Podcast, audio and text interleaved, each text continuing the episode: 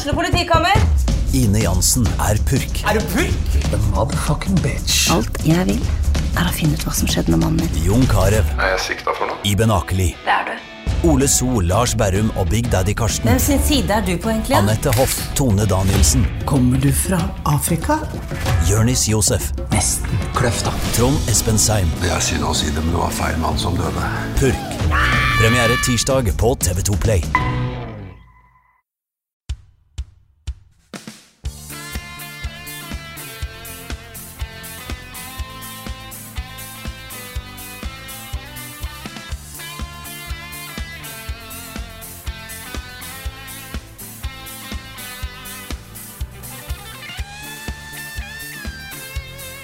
Nei, jeg skal ikke ha mer kaker. Nei, jeg er mett. Hvis jeg spiser noe mer kaker, så skal jeg komme til å kaste opp utover hele bordet, faktisk. Har du lyst til at jeg skal kaste opp? Har du lyst til å kaste opp på hele bordet? Og da ønsker vi en hjertelig velkommen til en ny episode av podkasten Level Backup. Med meg, Frida Danmo, og med meg har jeg Niklas Halvorsen og en Karl Martin Hogsnes som er utrolig lei av julekake, tror jeg. Ja, vet du hva? Jeg, det er ikke det at jeg er lei, men jeg har spist så mange. Og når det er sånn, det er først julemat, og så er det riskrem, og så er det kaker etterpå. Og det er gjerne flere lag, altså flere faser med kaker. Og til slutt så går det ikke mer, og så går den der kakefatet på rundgang. Og så har du en eller annen, enten eh, eh, mor eller bestemor, som sier at du må bare ete. Bare Ja, ja, ja. For det er, aldri, det er aldri sånn at du sier nei en gang, og så er det nei. Det er sånn, kanskje det er ja om et kvarter.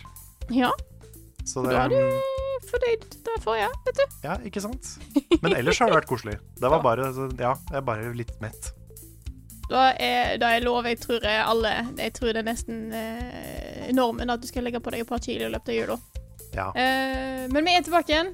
Det er første episode etter jul. Rune har fortsatt en liten ferie, eh, som jeg har starta opp. Bare oss. Du da, Nick, har du hatt en fin, eh, fin ferie? Nei, ikke, ikke helt ferie, men jeg har fortsatt hatt det ganske fint i jula. Ja, For du driver fortsatt jobb med, med litt greier, du? Ja, det er fortsatt uh, noen anmeldelser som ennå ikke er ferdig, og noe, noen topplister som jeg ville starte litt eh, før på, bare for å være sikker på at det blir ferdig. Uh, Mm. Men jeg har fortsatt hatt Selv om det ikke har vært en hel ferie helt ennå, det tar jeg en gang i januar, tror jeg, så har det fortsatt vært veldig koselig. Sett masse julefilmer. Som Kung oh, Fu nice. Panda og sånn. Og spist masse kaker, jeg òg. Ja, men det er bra. Det har vært good times. Nice, nice. Jeg har litt lyst til å spørre deg om en ting. Fordi jeg har opplevd, jeg opplever hver gang jeg reiser hjem, og spesielt når jeg reiser hjem til jul. mm. Jeg lurer på om det er liksom, er det bare meg, eller er det sånn for mange? Jeg føler at jeg blir litt den personen jeg var da jeg bodde hjemme. Du eh, Det føles annerledes å, å komme hjem eh, nå, merker jeg. Eh, Jo lenger jeg bor he vekk hjemmefra, jo på en måte større føler jeg den kontrasten blir. Ja, men det er noe med det. Ja. At sånn Eh, Jeg var jo litt sånn stille emo-kid da jeg bodde hjemme. Og jeg blir ikke fullt Jeg, jeg går ikke tilbake til liksom videregående meg, men jeg, men jeg blir fortsatt litt den derre stille personen som ikke gjør så mye ut av seg, kanskje, men snakker jo om litt andre ting, da. Jeg har jo nevnt før at jeg har en familie som har Altså, hvert eneste norske politiske parti er jo representert i familien min, bortsett fra Ja. Frp. Uh, og så det blir jo mye diskusjon i jula. Eh, så jeg er litt mer med på de diskusjonene nå enn jeg var da jeg var yngre. Men utenom det så er det sånn Jeg føler meg litt som den personen jeg var. Det er litt rart. jeg, jeg, jeg eh, vet ikke om jeg akkurat har følt det sånn, men jeg føler Altså, når jeg, jeg husker de første årene jeg kom hjem etter å ha vekke, at jeg følte jeg At resten av familien trodde jeg var den samme, Ja, kanskje det er selv om jeg ikke var det. At jeg blir litt påvirka av liksom hvordan jeg blir behandla. Ikke at jeg Ja. blir behandla som et barn når jeg kommer hjem, nei, men, nei, nei. men sånn Nei, jeg vet ikke. Det er, sånn, det er en helt annen sånn kultur å bo hjemme. Ja. Nå har jeg eh, Nå har det gått så mange Jeg, jeg tror nå, nå på en måte har det blitt annerledes nå. nå jeg føler jo ikke det nå lenger. Uh, jeg tror jeg bare endra meg sjøl mye. òg. Jeg jeg merker det når jeg er hjemme, at jeg har endra meg. Det er vel det jeg kanskje merker mest. Mm. Jeg har blitt mer sta, tror jeg. Eller ikke nødvendigvis sta med at jeg sier tydeligere ifra om ting. Eh, eller på en måte Jeg har blitt mer bastant på, på meningene mine, kanskje. Jeg vet ikke, jeg. Vanskelig å si. Eh, Ja. Som blir når en eh, bur for seg sjøl, holdt jeg på å si. Mm. Ja, for det har nok jeg også blitt. Men kanskje det er det at liksom man, man rives litt mellom to versjoner av seg sjøl Ja, kanskje når det. man kommer hjem. Jeg vet ikke. Det var uansett veldig koselig å være hjemme. Det var veldig, veldig, Det det. eh, veldig, veldig kjekt. Nå eh, Det ble jo litt Litt sånn der annerledes jul, og jeg hadde egentlig ikke tenkt å si det. Oh. Em, men det var veldig koselig. Kjekt å være hjemme. Kjekt å være på Stord og bare se at smittetallene i Trondheim bare skjøt i været! Å, fy fader. Det var jo helt krise. Det var bra det hadde roa seg relativt til vi kom opp igjen. Uh, men uh, Går til helvete i Oslo òg. ja, det gjør det. Nei, vi får bare holde oss inne, og jeg har fortsatt jeg, det, det er min favoritting etter julen, bare sier det nå før vi kan begynne å snakke om sånn faktiske ting som vi skal ha i podkasten og sånt. Okay. Mm. Eh, min favoritting etter jul er at det er tilbud på ting. Ja. Og det er tilbud på juleting. Og jeg, no shame, kjøper jeg, Altså, jeg, jeg hadde fortsatt en, en boks med pepperkaker igjen, den har jeg spist opp nå. Men det var en, eh, en flaske med gløgg for ti kroner. Jeg bare sånn yes, please. Så nå, for det er jo litt iskaldt i Trondheim. Eh, nå er det jo var meldt minus 11 grader i dag, tror jeg. Da har varme, gode ting å drikke. Good shit. Eh, Mm. Jeg har faktisk ikke funnet så mye Vanligvis pleier jeg alltid å kjøpe marsipan på tilbud. Julemarsipan. Eh, men det har, jeg ikke, har jeg ikke funnet så mye av i år. Det er litt, nesten litt skuffa. Eh, så det er, det er etter jul kjøper jeg julesnope. ja. Folk er jo veldig militante på at man ikke skal starte jula for tidlig. Mm. Men er, det, er, er folk like sinna hvis man fortsetter å feire etterpå? Ja, det tror jeg det, ikke. det, det, det føler jeg ikke er en ting. Mm. Men jeg vil òg ta opp en, en, en, en liten ting til når vi snakker om måte, når jula er ferdig. Fordi Ja. at jeg prøver å finne ut når er det jeg skal ta ned pynten. Fordi ja, det, jeg tror, det virker ikke som det er noen i Oslo som har tatt ned pynten. Nei, og det er ingen her heller som har gjort det. Og jeg har jo eh, lært meg at 13. dag jul, da skal jula ut av huset. Okay. For da er det, det er på en måte sånn det er. 13. dag jul, da er vel 6. desember. Ja. var på onsdag. Så jeg begynte jo å pakke ned litt ting, jeg, og så kom jeg ikke så langt, så alt står i en haug på et, på et bord. Um, men så så jeg rundt meg, alle har jo fortsatt julestjerner opp i vinduet, og jeg bare sånn, er dette en vestlandsting? Når skal egentlig den være ferdig med jula? Dette håper jeg at uh, lytterne våre kan gi meg svar på. Når, Ja. når skal en egentlig ta ned ting? Jeg føler at i gamle dager så hadde jula et sånt leksikon fullt av regler. Med at du skulle bake de sju sortene og alt det greiene der. Men Mhm. jeg føler det har forsvunnet mer og mer. Sånn Ja. som vår familie, så har vi bare bakt pepperkaker. Vi har ikke bakt noe mer. Ja, Men Vi har ikke pepperkaker, det er brune pinner. Og pappa har bakt en del, og nå har jo søsteren min Hun er jo konditor, så hun har liksom bakt en del òg. Jeg tror hun lagde For at hun, nå jobber jo hun på en sånn eh, På et sånt bakeri, eh, kaféutsalgsgreie. Og jeg tror hun hadde lagd over 6000 kok... Nei, 6000 kokosmakroner, tror jeg det var. Oi. Det var noe helt ridiculous, i hvert fall. Eh, Ja. Nei, havreflan var det. 6000 havre, havre, havreflan, som er jo fortsatt bare sånn Du, du har lagd Du har lagd julekaken din for i år, du. Ja, det, ble det julekake for ganske mange år. ja. Likevel lagde du en pepperkakeby hjemme, så det var Wow. By. Ja. Ja, ja, vi har alltid ke- pepperkakeby. Pepperkakeby. Ja, ja, sånn tre, fire, fem hus, og ei kirke og et uthus. Damn. en bil med Det var det òg en bil med juletre på taket. Det var veldig, veldig koselig. Shit. Mhm. Åh. Vi har liksom, det var ett år vi lagde pepperkakeoperahuset. Det er det mest eh, kreative vi har vært. Ellers har det bare vært vanlige pepperkakehus og vanlige pepperkaker. Men de må Ja. ha melis. Ja, ja, ja, selvfølgelig. Det var et år vi lagde pepperkakekirkegård. Eh, Åh. Med graver. Ja. Og Shit. eh, vi hadde, og det var òg et mordmysterie, så det var en seigmann som hadde delt en nisse i to, Åh, Wow. eh, inkludert rød konditorfarge. Hadde dere små pepperkakekister med seigmenn inni? Det husker jeg ikke. Det finnes, jeg, jeg vet vi har eh, Det fins et bilde av dette her. Eh, vi syns det var veldig festlig. Jeg vet ikke helt om de eh, eldste i familien syntes det var like, like eh, koselig, men vi hadde det i hvert fall veldig gøy. Nice. Men skal vi nå få, få, få jula litt ut av podkasten? Ja, jeg tror vi må begynne å snakke litt om spill. Det er tross alt ja. nytt år. Ja. Ukens hotteste Nytt år og nye muligheter for knallgode spill, altså. Vi har satt opp hver vår topp-ish, topp fem-ish-lista over hva spill vi gleder oss til i 2021. Eh, og jeg må bare spørre på forhånd har all, Er det sånn at vi nå tar utgangspunkt i spill som er bekrefta at skal komme i 2021? ja, for det var jeg sånn- usikker på. Ja, for Ja. Det, det, dette er vanskelig. Fordi Eh, eh, jeg har jo tenkt da at um, jeg velger å ikke, ikke lenger håpe på Elden Ring før jeg ser noe mer. Mhm, Så Elden Ring er ikke med på min liste. Det hadde vært på toppen hvis det, hvis det hadde vært det. mhm. Men jeg har da valgt fem andre spill som jeg tror kommer i år. Ja. Så det er, ikke, det er ikke nødvendigvis at det er confirmed, men jeg tror det. Samtidig så tenker jeg liksom at vi har jo hatt et år snart med korona, og det kan jo fort hende at veldig mye blir utsatt på grunn av det også. Mm. Ja. At 2021 kanskje blir et litt sånn tomt år. You never know. Ja, jeg òg har eh, Jeg har eh, et, par ekstra Jeg har en ekstra ting som bare ligger der, men resten er ting som jeg er ganske sikker på at kommer i 2021. Ja. Nice. Yes. Hvem har lyst til å begynne? Carl, vær så god. Ja, Skal jeg begynne? Ja. Ja. Da begynner jeg. Skal vi se. Jeg bare merka plutselig at jeg hadde feil dokument oppe, men nå fant jeg det. Å nei. Åh. For jeg har jo notert den i topplista mi. Ja. Men eh, OK, nå har jeg den. Mhm. Da begynner jeg på, på femteplass. Mhm. Og det er litt, litt to my own surprise. Eh, Ok. It Takes Two fra Josef Fares. Ja. Ja, Fordi det kommer jo i mars. Og stemmer. det ser så gøy ut. Det er bare det er få trailere som har solgt meg så hardt på et konsept noen gang som, uh, som det spillet der. Det er jo da det nye spillet til Josef Fares, han som lagde Brothers. Han har laga A Way Out? A Way Out, heter det. Um, han, har liksom, han har på en måte funnet sin nisje, som er sånn derre to karakterer-spill. Ja. Virker det som. Og nå er det da et ektepar som skal fikse opp i ekteskapet sitt, for det virker som de har litt, uh, litt samlivsproblemer.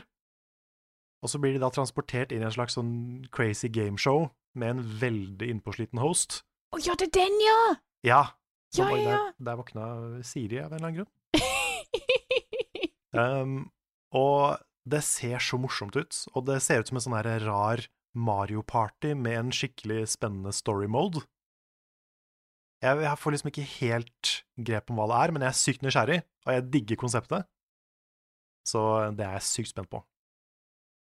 Og på fjerdeplass har jeg Imposter Factory, som er det tredje spillet til, eller teknisk sett fjerde, kanskje, til han som eh, lagde To the Moon. Oi. Altså, det er det, det, er, det, er det tredje spillet, hovedspillet i To the Moon-serien. To the Moon Mhm. 3, altså.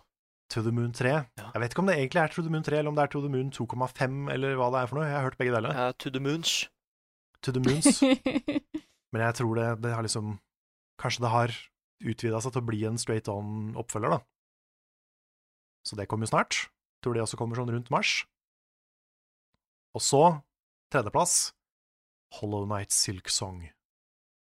Fordi god Mhm. damn, det gleder jeg meg til, ass. Hollow Night er et av de beste spillene som har kommet de siste åra. Ja, Det er, eh, det er top ten of all time for meg. Oi. Faktisk. Det har blitt Såpass, ja. eh, har blitt såpass. Det spillet Mhm. er så bra. Det er liksom Metroidvania, bare done even better. Bedre enn både Metroid og Vania. Wow. Så jeg syns det er eh, helt uh, amazing. Så det gleder jeg meg sjukt til. Og det begynner jo å komme litt sånne, sånne nyheter rundt nå. Endelig så har de begynt å snakke litt om det, så det kan jo tyde på at det ikke er så langt unna. Og så har vi topp to, kanskje ikke så overraskende. På andreplass har jeg God of War, Ragnarok. Ja, fordi er det bekrefta? ja. ja, fordi det sto 2021. Ja, fordi det, det, den er sånn ish på lista mi, for jeg veit liksom ikke Ja. helt Fordi jeg tror jo egentlig det blir utsatt. Ja. Uh, men i og med at det sto 2021 5, jeg, mistenker jo at det sto 2021 for å selge PlayStation 5, Mm. rett og slett. ja. Um, men i og med at det sto det, så tenkte jeg at da kan jeg ha det med. Ja, vi, vi må drømme litt. Vi Ja. må drømme litt. Ja. Og førsteplassen er også litt sånn drømmende. Det er da Breath of the Wild 2.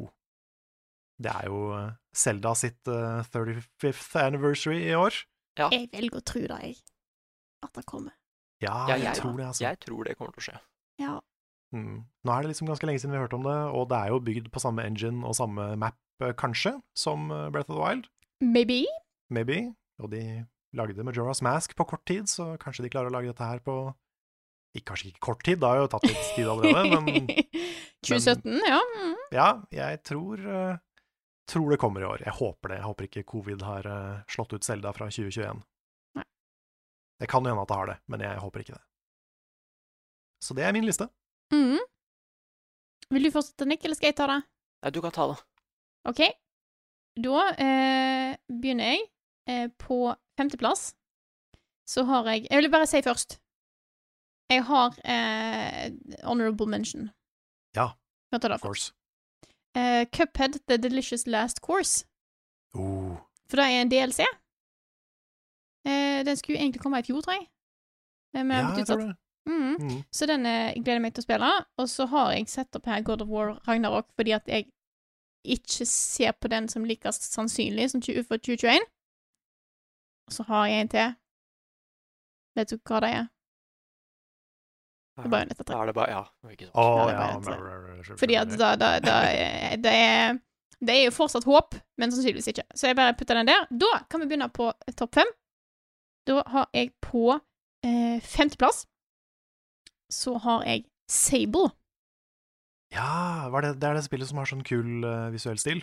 Ja, der er sånn åpen verden-type De sa vel at det er litt mer sånn belgisk tegneseriestil. Veldig sånn selvshada-stil. Ja, Åssen skal vi beskrive den stilen for de som ikke har sett den? det er jo veldig sånn klar outliner på ting, men det er fortsatt 3D, og det, så det er sånn Jeg vet ikke hvordan jeg skal forklare det, men det ser er ut. veldig- Jeg er bare Veldig minimalistisk fargebruk. Ja. At det er sånn én farge der, én farge der, og så det, det ser ut som en rar 2D-animert ja, Jeg vet ikke hva det er. Det er veldig, veldig vanskelig å beskrive den stilen. Men det ser veldig, veldig kult ut. Uh, og jeg er veldig spent på å se mer hva det handler om, og hva det er for noe. Så derfor har jeg den der. Ja. På fjerdeplass så har jeg Kena Bridge of Spirits. Det ser så koselig ut. Ja! Det, er jo da, det ble vel vist i sommer. Det er et PlayStation 5-spill. Det. Eh, der det er Du, du spiller personen som er det, det er jo litt sånn Håper å si artig indiespill. Eller ikke artig, sånn koselig indiespill. Og så har du masse små figurer som følger etter deg, som jeg vet ikke hva gjør. Men så er det òg i Altså, det er litt plattforming, og så er det litt combat, og så ser det egentlig bare superkoselig og gøy ut. Og det ser så meg ut. Ja, det er litt sånn eh, Jeg får litt sånn Ori-vibes, bare i 3D. Ja. Så jeg, jeg håper jo det er på en måte oppi der, da. Mm. At det faktisk er et dritbra spill også. Så jeg har det litt lavt nå, fordi at jeg vet ikke helt Jeg vil, jeg vil se mer av det, eller vite mer om det, før jeg på en måte kan hype meg fullstendig opp på det. Mm. Når kommer Eh, det, vet vi det? Å, nei, da husker jeg ikke om vi har fått noe dato på. Jeg skal sjekke det mens du tar lista di. Mhm, Vi er nå på eh, tredjeplass. Det har jeg 12 Minutes. Ja. Ah, nice.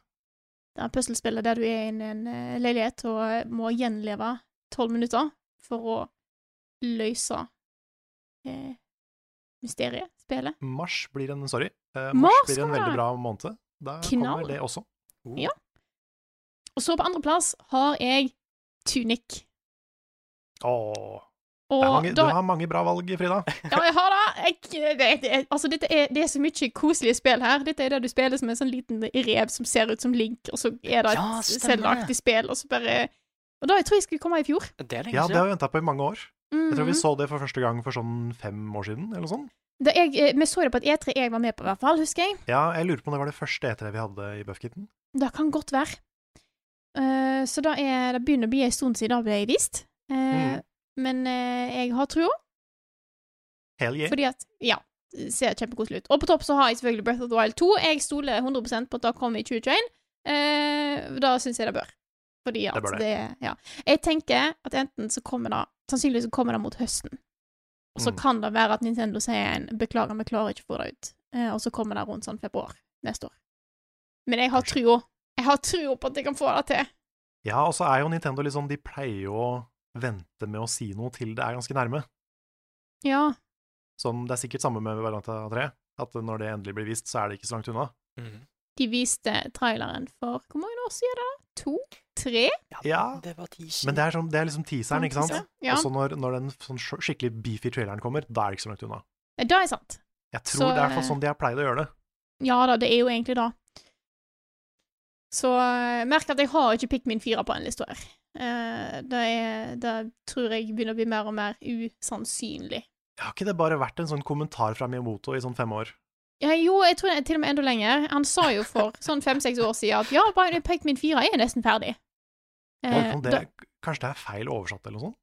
det kan være de har skrota hele greia Jeg kunne ønske at det var nesten Ja, ferdig. Oi. Ja. Det er, det er kanskje det er nesten ferdig oppi hodet til Miyamoto. jeg har en idé. Vi skal ha en grunn grønn. Grønn Pikmin. Ja, de er ferdig. Ja, supert. Close enough. Kanskje en regnbue, Pikmin? Oh. Kanskje en lyseblå Nei, det var eh, Så det var meg. Nick, vær så god. Ok, For da har jeg Mhm. også noen honorable mentions. Fordi jeg, jeg har jo sånne drømmespill, jeg òg. Men jeg må fortsatt være sånn at det må garantert komme, liksom. Vi må ha en dato, dato, og så kan de liksom skifte på det senere, da.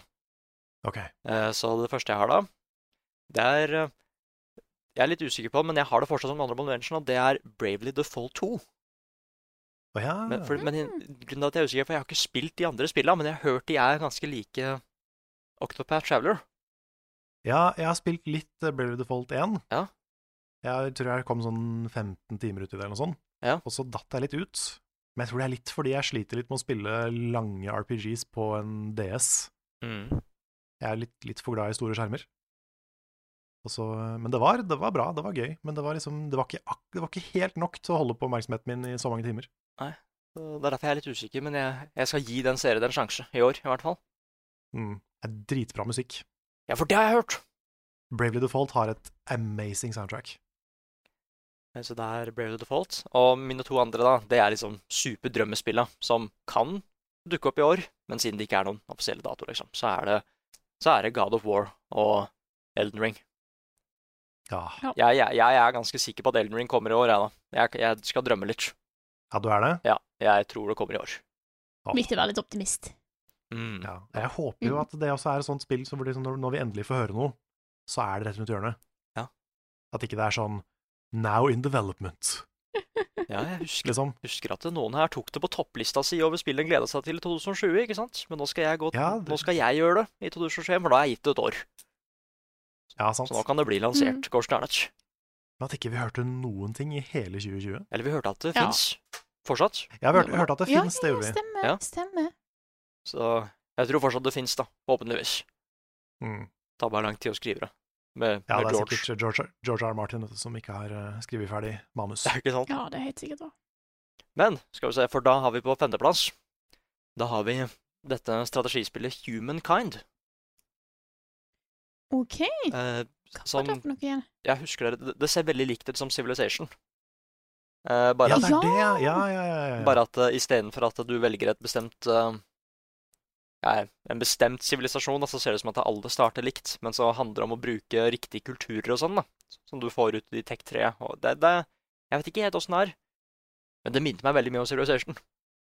ja, det ser veldig Civilization ut. Ja, så bare mm -hmm. noe som ligner. Så, så jeg, jeg bare gleder meg til det. Blitt veldig glad i sånne strategispill, liksom. Mm. Eh, på fjerdeplass så har vi Baldur's Gate 3. Som Den er også li, kanskje litt juks, da, men de har sagt at det, det kommer til å være i Early Access i et år. Og rett etterpå få en full liksom, lansering. Så jeg Den føler jeg er ganske spikra, da. For at det skal komme i 2021. And it's gonna be a lot of fun. Ah, yeah. Ja, den betaen er jo ganske beefy allerede, er den ikke det? Ja, den er tydeligvis sånn 20 timer, liksom. Damn. Det, det er en bra første akt til et spill. Det er det. Og den blir tydeligvis større for hver dag. Ah. Eh, På tredjeplass, der har jeg også 12 Minutes, Frida. Hei! For jeg er veldig glad i dette her. eh. Eh, Jeg liker tanken at du faktisk kan løse det på 12 minutter første gang du spiller. Det er, Ja, det er litt kult. Du kan løse mysteriet på første, første run, liksom? Ja, for de har sagt det at eh, hvis du liksom bare er Hvis du er the chosen one, dere, så kan du gjøre det på første forsøk på 12 minutter. Ha. Men at det vanligvis vil ta folk rundt to timer, har de sagt. Ok. Sånn Så da kommer du til å klare det på tolv minutter, da, Nick? Nei, nei, nei. nei, nei, Det, det tror jeg. Ja. Skal klare på 11 minutter. Elleve, ja. Oi. 11 minutter. Nei, men liksom bare Jeg, eh, jeg er sykt spent på åssen det funker. For konseptet er så spesielt. Mm. Mm. For det er jo jeg, Det er ikke egentlig et sånn mordmysterium, men det er fortsatt et svært mysterium som du har tolv minutter på å løse. da. Ja, ja, for dette er det spillet hvor du, du ser alt ovenfra, litt sånn sånn dokkehus-angle. Ja. Mm. Eh, og så skjer det et eller annet eh, skummelt i huset som du følger med på, og så må du da sikkert velge hvor du er, hva du skal følge med på om gangen, for å få med deg historien på en eller annen måte. Ja, altså liksom Jeg elsker den ideen med at eh, Du har mange måter å løse det på, men du e- vet ikke hvem som er nøyaktig den riktige før du har liksom testet det litt, da. Vet liksom bare at Oi, nå skjer det noe skummelt. Skal jeg låse ut døra her og sette sofaen foran? Nei, det gikk ikke, for da, da kom det gjennom TV-en eller et eller annet sånt, så da må jeg huske å skru av TV-en, liksom. Jeg, jeg, jeg håper at det er et sånt derre Litt sånn som det er Outer, Outer Wilds, at jeg får dette Eureka-øyeblikket. Det derre Mm. Oh shit, jeg vet åssen jeg skal vinne nå. Mm. Yep. Ikke sant? It all makes sense. Eh, Så det var på tredjeplass. Eh, På andreplass, da har vi Deathloop. Som er det nye, Ja. nye spillet til de som har Det er faktisk akkurat det samme plottet nesten som 12 Minutes, når jeg tenker meg sånn. om. Eh, ja. Hades også er samme plottet som uh, ja, at eh, eh, det er de samme som har lagd The Dishonored, som har lagd det. At du er, du er fanga på en øy med rike folk som jakter på deg, liksom. Eh, og jobben din er egentlig bare da å knerte alle sammen uten å dø, fordi når du dør, så starter du loopen på nytt igjen. Men det er også en annen assassin som også er i denne loopen. Eh, så jeg er veldig spent på historien, men veldig spent på åssen det funker med det Dishonored gameplayet. Mm. For her ser det mer ut som at de skal bare drite i stealth. Nå skal det bare være den artige action-delen. Ja, Dishonored the game, liksom. Det tror jeg kan bli kjempemorsomt. Men på toppen, da, da har jo jeg Near Nier Automata-remaken. Nei, Ja. Automata-remaken, det er feil. Eh, Det første Nier. Re Ja. Nier Replicant-remaken. Near Replicant, ja. Ja, Nier mm. um, um, Nier Replicant-versjon uh, Masse, masse tall. 1, masse, masse tall. Jeg Ja, det var ikke- sykt mange tall. Ja, det, det er pi, tydeligvis.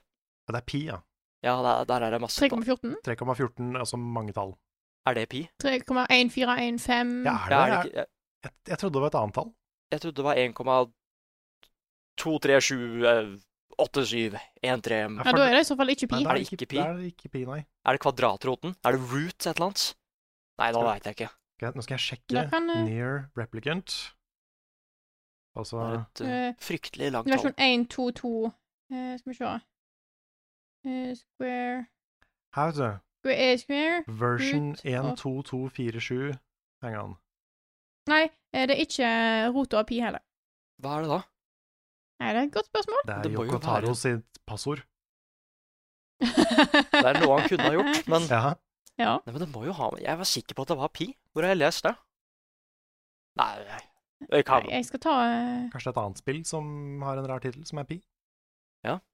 Det fins veldig mange eh, lange nummer. Da, eh, Altså, JRPGs er jo sånn. De har jo Ja. sånne rare navn. Ja. Jeg, tatt, at eh, jeg, når jeg søker på dette tallet, så får jeg faktisk kun opp Near Replicant. hmm. Det er noe sånn rar, rar Yoko Taro-magi. Ja, da tror jeg det er passordet hans, som du sa. liksom. Spørs det. Mm. Det gir mest mening, liksom. Ja. Uh, men jeg er bare Ah, nei, ah. eh, det er kvadratroto av 1,5. Ah, så han kunne egentlig bare skrevet 1,5. ja. Ja, men der kan du se. Det Det kunne egentlig vært pi. Det hadde vært Men det, så er det, ikke, det er liksom ikke 1,5 heller, så det er kanskje noe før 1,5, for det er jo da du måtte må gange sammen for å få 1,5. Ja, ja, fordi sant? Greia er liksom at de har, han har vært litt sånn Han har vært litt sneaky med at det, det er nok ikke en ja, Er det egentlig en remake? Fordi Først så gikk det fra å være en remaster som egentlig er helt greit, liksom bare få, få det spillet på de nye konsollene med litt bedre grafikk og sånn, men de har begynt å liksom snakke om at de har fiksa på musikken, fiksa på gameplayet, eh, nye voice actors, mange av de samme voice actora, liksom, det er jeg, jeg tror nok det er mest en liksom en gjenfortelling av historien. Men det kan plutselig være noe mer der òg, ikke sant? Ja, plutselig så kommer sånne whispers som Ja. har lyst til å prøve å bevare tidslinja fra det første spillet. Ja. Og så kommer det en robot fra framtida. Ja, Ja, problemet er at dette Mm. her er jo plottet i Near. Nei, det er bare tull. Det hadde vært morsomt. det kommer en sånn litt, lite, sånn så rart. Ja. Um, nei, twisten hadde vært at det ikke skjedde. Da hadde jeg skjønt det. Ja, Nei, men ja. jeg, jeg bare Jeg eh, det, det, det første Near er en sånn Det er så få som har spilt det. De kom liksom inn i serien med Nier Automata. Det var først da den serien fikk eh, denne skikkelig popularitetsboosten, da. ja, det er vel to av tre som sitter her som gjorde det. Kom inn med nye Ja. Nei, så jeg bare jeg, jeg er veldig spent på hva folk syns. På hva som setter i gang den Nier Automata-settingen. Og du trenger egentlig ikke ha spilt det for å spille Nier Automata, men det er mye der som liksom kobler det sammen. da. Nei, altså igjen, jeg er veldig spent på hva det her egentlig er. Og hvis det bare er uh, Nier på nytt igjen, så går det helt fint. Da kan jeg spille det på den nye konsollen. Hvis det er PlayStation 5, det vet jeg ikke, men men, men nytt gameplay, det er liksom den største greia. Det var det største problemet med Nier, og det at det nå har blitt mer fluid. Det er liksom egentlig bare det jeg har lyst på. Så ja, på toppen så er det Near Replicants. uh, Yokotaros passord. Nice. Jeg var, jeg var litt redd for at vi kom til å ha veldig like lister, men uh, nå var vi flinke. Ja. Nå var vi veldig flinke. Hva har du spilt i det siste? Nå har det jo gått noen uker siden forrige podkast, så vi har jo kanskje spilt litt av hvert eh, hver oss, men jeg tenkte jeg skulle begynne. Før, eh, før jul så snakka jeg om hva jeg hadde lyst til å spille før, i løpet av jula. Og det er ofte så legger jeg meg planer for ferien, og så går alt ræva. I år har jeg spilt akkurat da jeg sa jeg skulle. Oh. Wow. Jeg har fullført Kentucky Route Zero. Utrolig oi. kult spill, eh, som jeg først ikke skjønner så veldig mye av. Men det var en veldig stilig opplevelse. Jeg tror jeg rett og slett kan for lite om amerikansk Altså historie, kultur, økonomi, sånne ting, til å få med alle tingene som dukker opp. Selv om jeg helt Mm. klart kjenner igjen litt eh, trekk her og der. Eh, men utrolig stilig spill.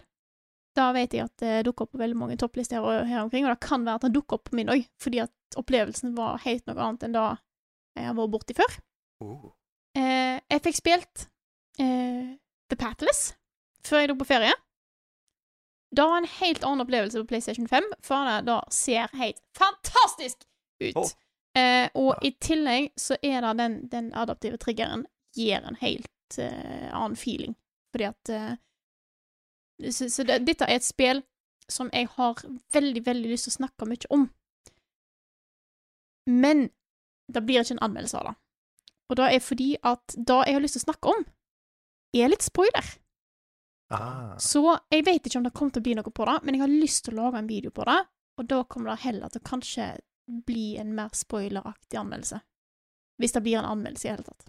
Men jeg har lyst til å gjøre noe på det. Hvis jeg har tid til det nå framover, så har jeg lyst til det. For det spillet er jo eh, en, en open world-aktig greie, men mer seksjonert. Når jeg sier open world, så mener jeg mer at du har ikke noe definert hva du må gjøre i hva rekkefølge. Du må eh, gå rundt i denne ekstremt store verden, faktisk. Kjempe, kjempestore områder. Eh, på en veldig flytende Du springer rundt, skyter ting rundt deg for å få boosts. Eh, og så har du ei ørn som du kan eh, glide med, så det blir nesten som Breath of the Wild-aktig greie, bare liksom kjapt og flytende. Uh, Ja, jeg får litt sånn Windwaker-vibes når jeg ser måten du liksom For du, du seiler på en måte gjennom bakken, Ja. eller gjennom gresset. Ja. Ja. Og så kombinert med denne paraglideren som du har av ei ørn. Uh, Mm. For å uh, både gi puzzles for å få eh, XP som kan gi deg bedre måte å fly på, eh, og å gjøre det du faktisk skal eh, for å eh, beseire ondskapen i denne verden her. Eh, og da kan du på en måte Du kan bare gjøre, gå rundt og gjøre det du vil. Du må ta så og så mange tårn for å kunne komme eh, For å slåss mot bossen for å komme videre til neste store område. Men du har liksom veldig frihet til hva slags område du vil eh, gå til, hva du vil gjøre, hvor mye du vil utforske, da hvor mye historie du får om områdene. Jeg digger det spillet. Da spillet var eh, Da jeg begynte på det, samtidig som jeg begynte på Hyrule Warriors, så var det sånn OK, dette er kult, men jeg vet ikke helt om jeg kommer inn i det nå. Eh, da var jeg helt klart ikke i settingen for det. Nå har jeg vært det.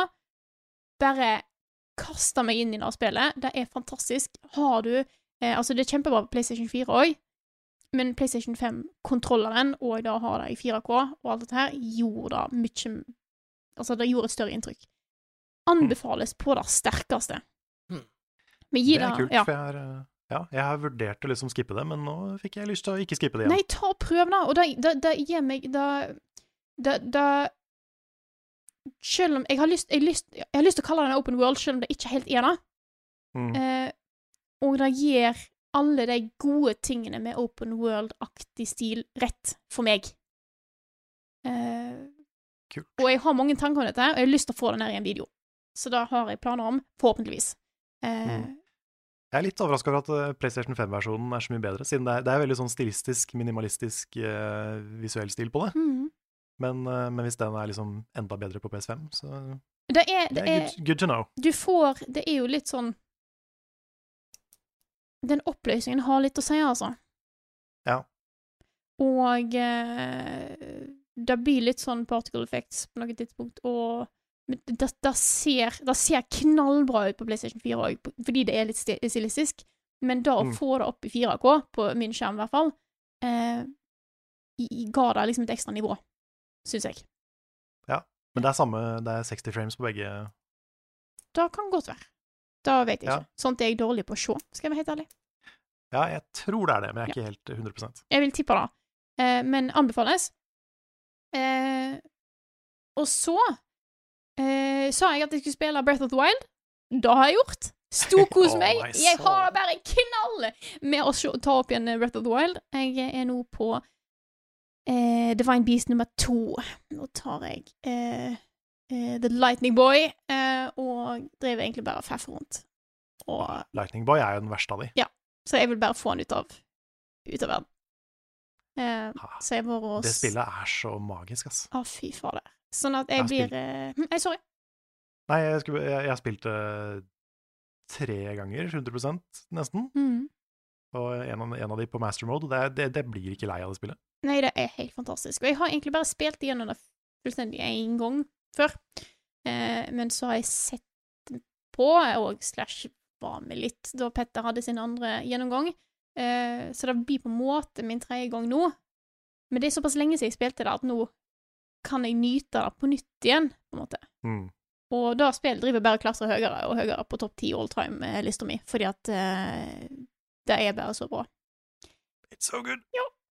Og så Nå skal jeg prøve å være litt kjapp her. Jeg har oppdaget et nytt spill. Å, Og da er det er det jeg har fortalt deg om, Carl. Det som heter Crumble. Ja, da det er fikk, jeg, det, det fikk jeg av Frida til jul. bare hyggelig. Jeg fikk masse Sonic-spill av deg til jul, så tusen takk. Ja, det var sånn Sonic-salg på Steam, så da tenkte jeg nå skal Frida få julegave. Yes.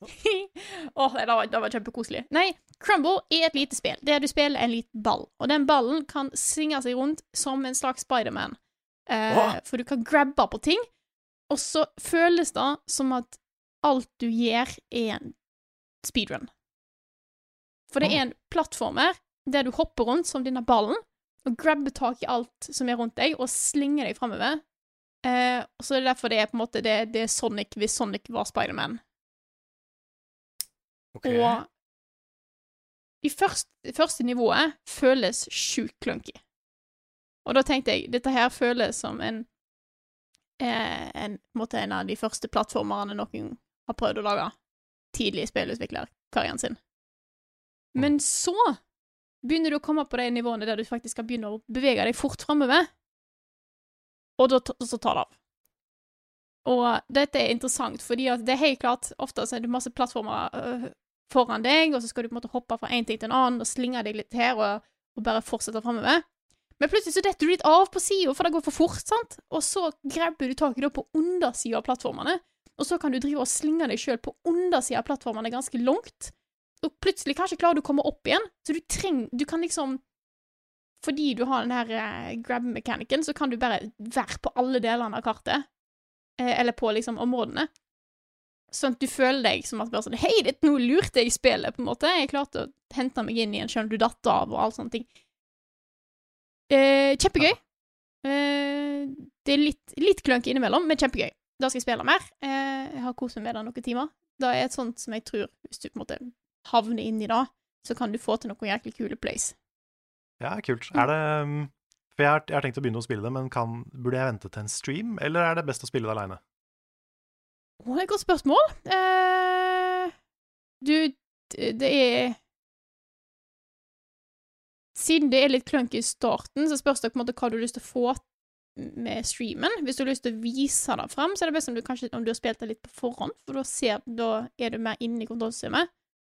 Hmm. Uh, men da, jeg tror det funker, jeg tror, for du kommer så fort til de områdene der det liksom Der det begynner å bli litt gøy, da. At eh, det Ja, kunne fint funke. hvis det bare er første level, liksom, så, så går det an å Ja. Mm. Mm. Jeg får tenke litt på det. Eh, ja da. Men så har jeg òg Siste nå. Nå er jeg på siste spill. Eh, sånn blir det når det er sånn to-tre uker siden sist. I topp topplistesammenheng så har jeg gått inn på nett og funnet ut hva spill er det folk har på topplistene sine, hva er det jeg trenger å spille. Og av de store spillene så vet jeg at det kommer jeg til å miste litt. Jeg kommer ikke til å få spilt Cyberpunk. Jeg kommer nok ikke til å få spilt Ghost of Tsushima.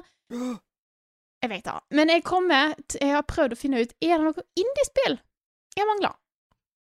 Og da fant jeg et som heter If Found, Ok. som er på eh, Jeg tror det er på PC, eh, på Steam, og på Switch. Og jeg spilte det på Switch. Da er en, eh, en historie eh, Hovedsakelig en historie. Det er egentlig, når jeg tenker meg om, ikke så mye gameplay, sånn sett, men det er en historie som fortelles ved at du styrer et slags viskelær. Eh, og så visker du vekk området på skjermen for å avdekke neste bilde, på en måte. Eh, og mye òg foregår som tekst i ei bok. Eh, og det handler om en person som har eh, kommet hjem eh, på juleferie, virker det som. Eh, etter å ha vært mange år på universitetet i Dublin. Eh, det er veldig irsk. Det er veldig kult. Du får en veldig sånn De bruker mye ord og uttrykk som er irske, som de òg forklarer. Det, det, de har aldri spilt noe som er irsk før. Det er kjempekult. Eh, og så kommer det fram at denne personen her er, eh, er, er trans. Og hvordan den personen har, føler at han blir behandla av familie og de rundt seg. Og Ja. det er en veldig veldig fin historie, og blir fortalt på en annen måte enn det jeg har vært borti. Det er en veldig tegna stil, eh, og den viskelærfunksjonen funker kjempebra. Eh, for du på en måte kan avdekke litt, litt område litt her og der, litt Veldig vanskelig å forklare, men eh, det, det, det, måten de bruker det til med at du på en måte skal avdekke ulike deler av skjermen, eller hele skjermen, etter hverandre, eh, for å få fram hva som endrer seg, eller hva som, hva som skjer. Og selve historien er veldig, veldig godt fortalt. Ja, Eh, det, høres skikkelig indie ut. Det er skikkelig indie. Det er sånn super-indie. Ja, ja. Nei, men det er, det er jo spennende. Mm, men det han tok utover òg, så tok han uh, han, han gjorde ting med historien som ikke føltes så Altså, han føltes ikke klisjé-indie likevel. Nei, OK. Kult. Uh, men uh, det var en veldig kul opplevelse i to timer. Veldig, veldig, veldig fin historie. Så da Jeg skal prøve å få spilt før topplista. Mm, ta og Sjekk den ut eh, hvis du vil ha en liten sånn eh, liten fin historie på, på, på Switch. Eller PC. What, whatever. Wherever you wanna play. Eh, jeg skal ikke stoppe noen. Cool. Jeg vet at eh, jeg, du kan jo på Switchen så kan du sikkert bruke touch-funksjonen på skjermen. Jeg syns det var veldig fint å ha det på TV-en i fullscreen. Mm. Eh, men kul artsstil, eh, kule karakterer, kul historie. Eh, og kult konsept. Nå har jeg snakka lenge. Da tror jeg var det jeg har spilt i det siste. Oi. All right. Yes. Skikkelig lyst. Vil du Ja. ta over, Nick, eller skal jeg ta over? Jeg kan ta den, jeg. Ja, kjør på. Eh, det første er jo da Jeg holdt på å si Må bare få det ut med en gang. Det er jo Cyberpunk. Ja. Som det kommer en anmeldelse av. Lover, altså. Det gjør det. Ja, for du, du har jo et, en lite sånn dilemma nå. Et lite dilemma. Et, et veldig stort dilemma nå. For du sitter jo og spiller en versjon av Cyberpunk som ikke er tilgjengelig lenger. Hæ? Ja. Det, det stemmer. Nei, fordi det som, er, det som har blitt et problem her, da, er jo det at eh, jeg starta på PC, men siden jeg også kunne spille på PlayStation, og jeg liker å spille sånne svære open world og sitte foran sofaen og sånn, så hadde jeg lyst til å spille på PlayStation. Skaff, og, og jeg har jo PlayStation 5, uh, mm -hmm. så, så, som heter Anja, forresten, for den er så svær og høy. Oh, Nice. Ja. Eh, Fyrtårnet Anja. Ja, det er fyrtårnet Anja, du tok hun. Jeg Eh, tok hun. Men det som er, er at eh, den versjonen jeg liksom spiller mest på, som jeg syns kjører helt fint, det er jo PlayStation 4-versjonen. Uh, og den er jo nå fjerna fra Store fordi PlayStation 4-versjonen funker jo så sikkert på PlayStation 4. Mm. Uh, så da får du liksom det problemet at ok, greit, for å spille det spillet her, da, i hvert fall den versjonen som jeg anbefaler, uh, da trenger du først den versjonen som du ikke kan få digitalt akkurat nå. Eh, så trenger du en ny konsoll som er ganske vanskelig å få tak i akkurat nå.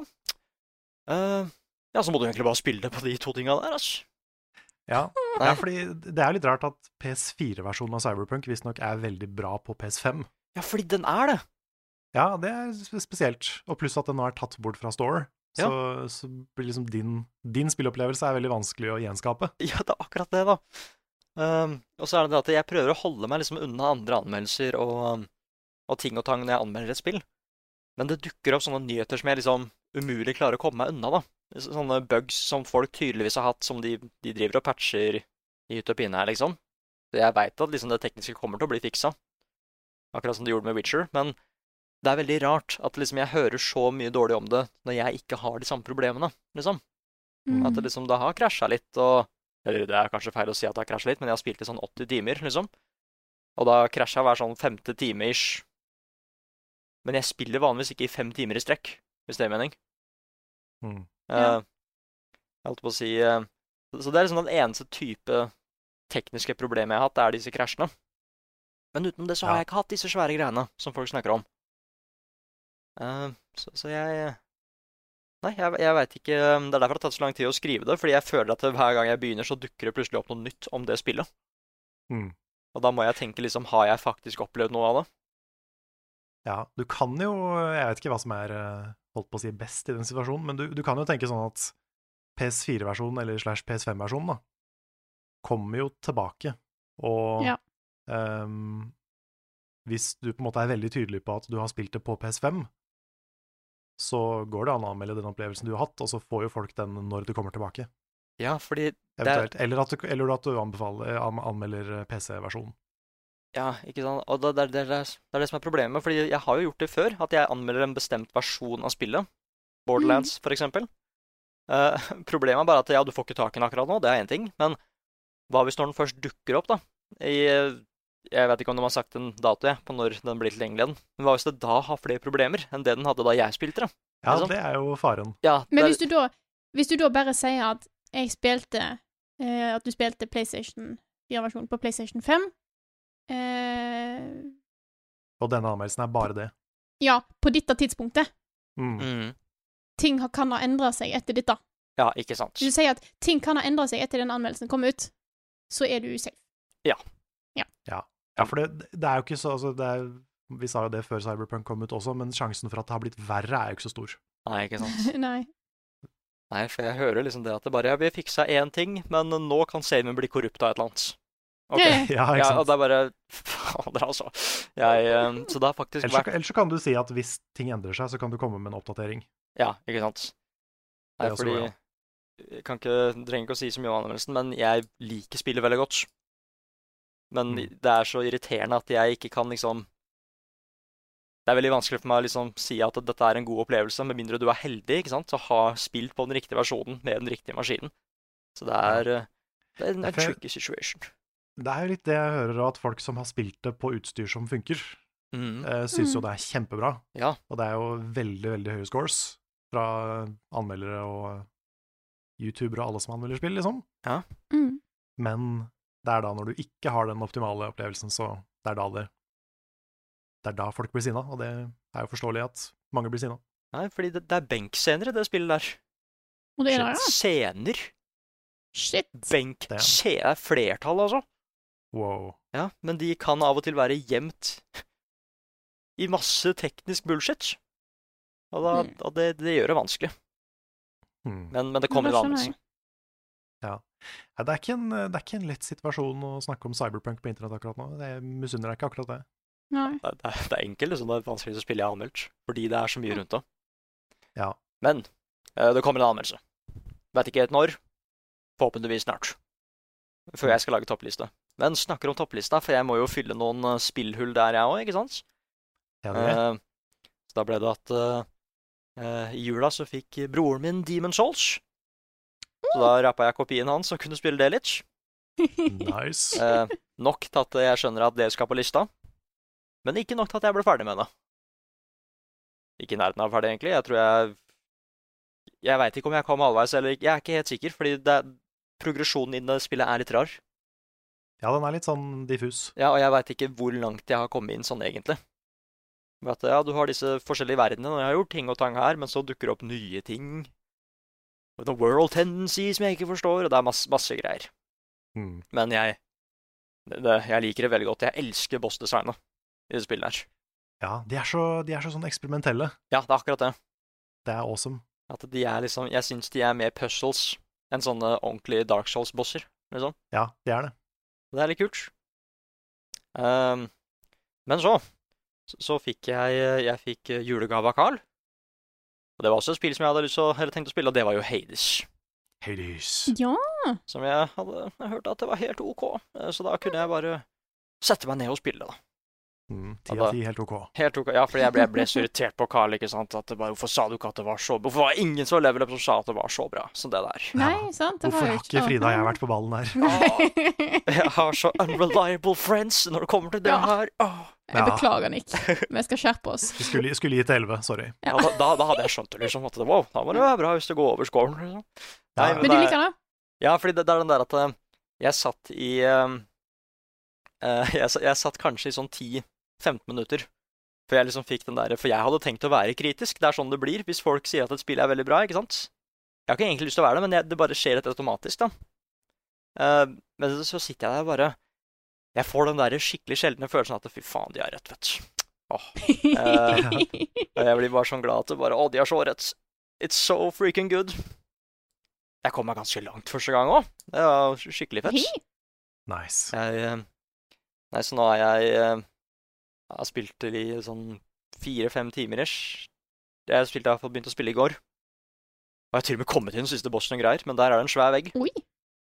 Ja, Um, ikke bare bare. nei, og det, det skjer noen ting i den fighten òg som jeg ikke Som jeg ikke hadde møtt på, liksom. Men jeg bare mm. elsker det med at jeg kan ha uh, For det er forskjellige builds her, liksom. Jeg er veldig glad i Rogalice på grunn av det. At eh, jeg kan liksom Det handler veldig mye om at hvis du finner drømmebildet, da kan du virkelig gå inn for å runde spillet, liksom. Fullføre det. Eh, men jeg liker veldig godt at eh, jeg for eksempel kan ha sverdet, men jeg kan finne tre forskjellige måter å bruke det sverdet på ut ifra hva slags up- upgrades jeg finner, da. Mm. Ja, liksom, En gang så bare har jeg vanlig slag-build, en annen så har jeg eh, special build, en annen så har jeg dodge-slå-build, liksom. Og til og med der så er det mange variasjoner, fordi det er så mange guder som har lyst til å hjelpe deg og sånn. Ja, ja. Mm. Og i tillegg så har du jo de hammerne som du finner på eh, rundt omkring i levels. Mhm. Og de transformerer våpenet helt, Mm. pluss at du har jo fire versjoner av hvert våpen til å begynne med. Så det er helt ridiculously mange kombinasjoner. Yes. Det er ikke sikkert at det, det tar jo litt tid å unlocke de ulike versjonene av våpen. Da òg Det gjør begynner det. ting å endre seg. Det er sant. Ganske kraftig. Er det en ting òg? Ja, det må jeg finne ut. Ja, ja, det Det er bare er til å glede deg.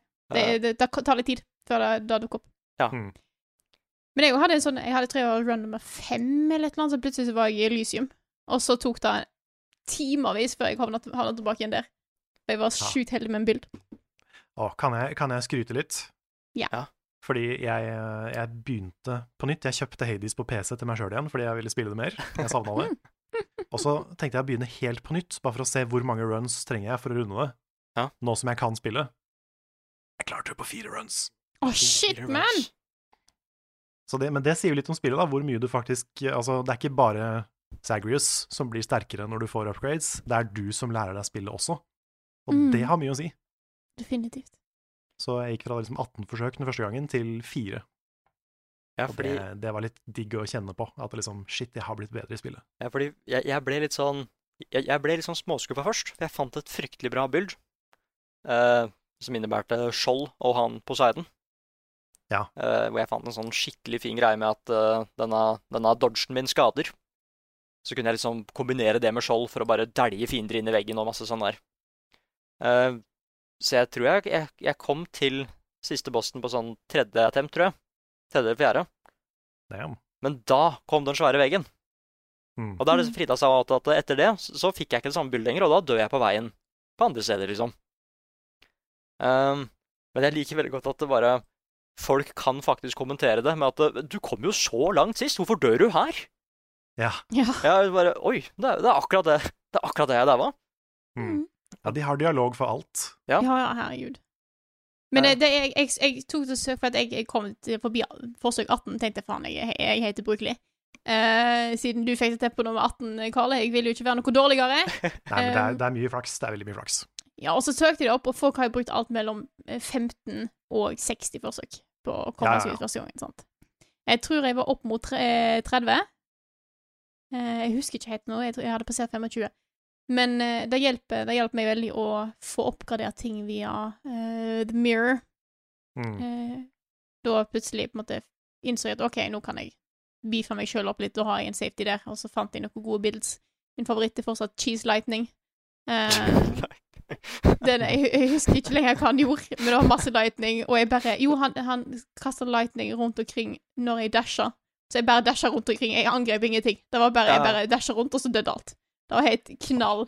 Nice. Ja, Med litt chain lightning og greier. Åh, det var, det var fint. Da koste jeg meg.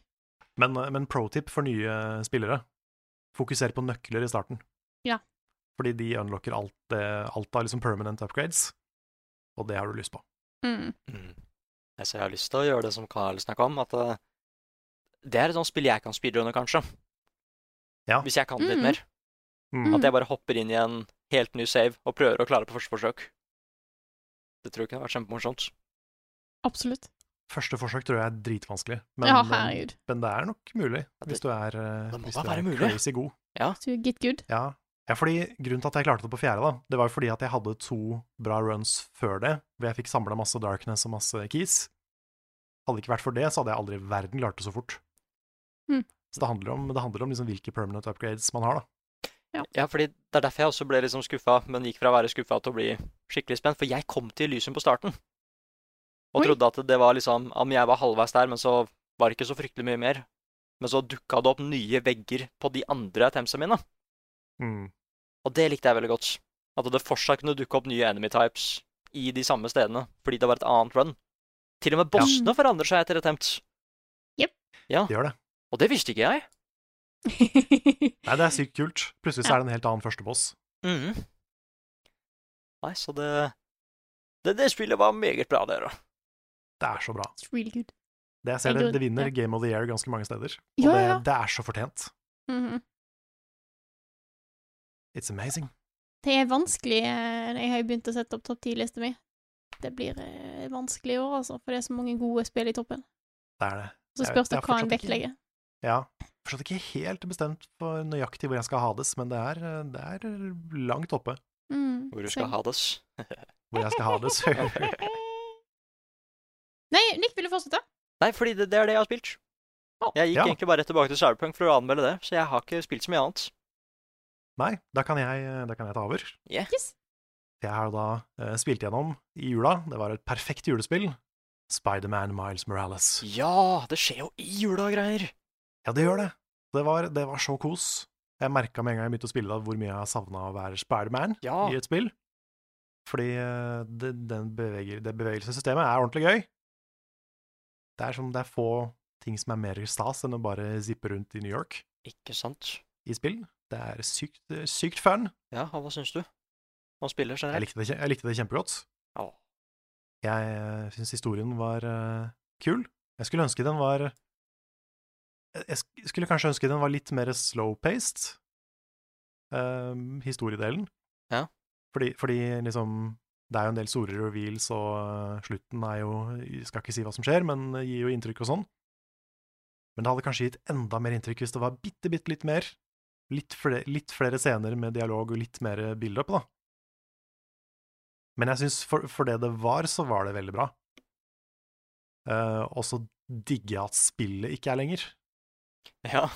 Og det er kanskje en rar ting å si, men, eh, men bare det å spille et open world-spill som er overkommelig Som ikke er sånn 'det her må du gjøre, du må samle 80 av den', og du må liksom Kanskje hvis du spiller i 90 timer, så har du fått alt. Mm. Det var ikke sånn, da. Du kan på en måte Hvis du dedikerer noen kvelder til det, så har du kommet ganske langt. Så du har kanskje kommet gjennom historien og fått en del optional ting. Og bare det at det liksom Det er bare 15 av de, og det er bare 10 av de, og sånn. Det er så deilig. ja. Og er, jeg tror ikke det er bare fordi jeg liksom er anmelder og skal prøve å spille mange spill og sånn. Jeg tror det er, det er liksom noe med at det er less is more, da, på en måte. Mm. Jeg føler at liksom, nå kan jeg gjøre det, og så kan jeg være ferdig med det, og så kan jeg gå videre. Det var litt digg.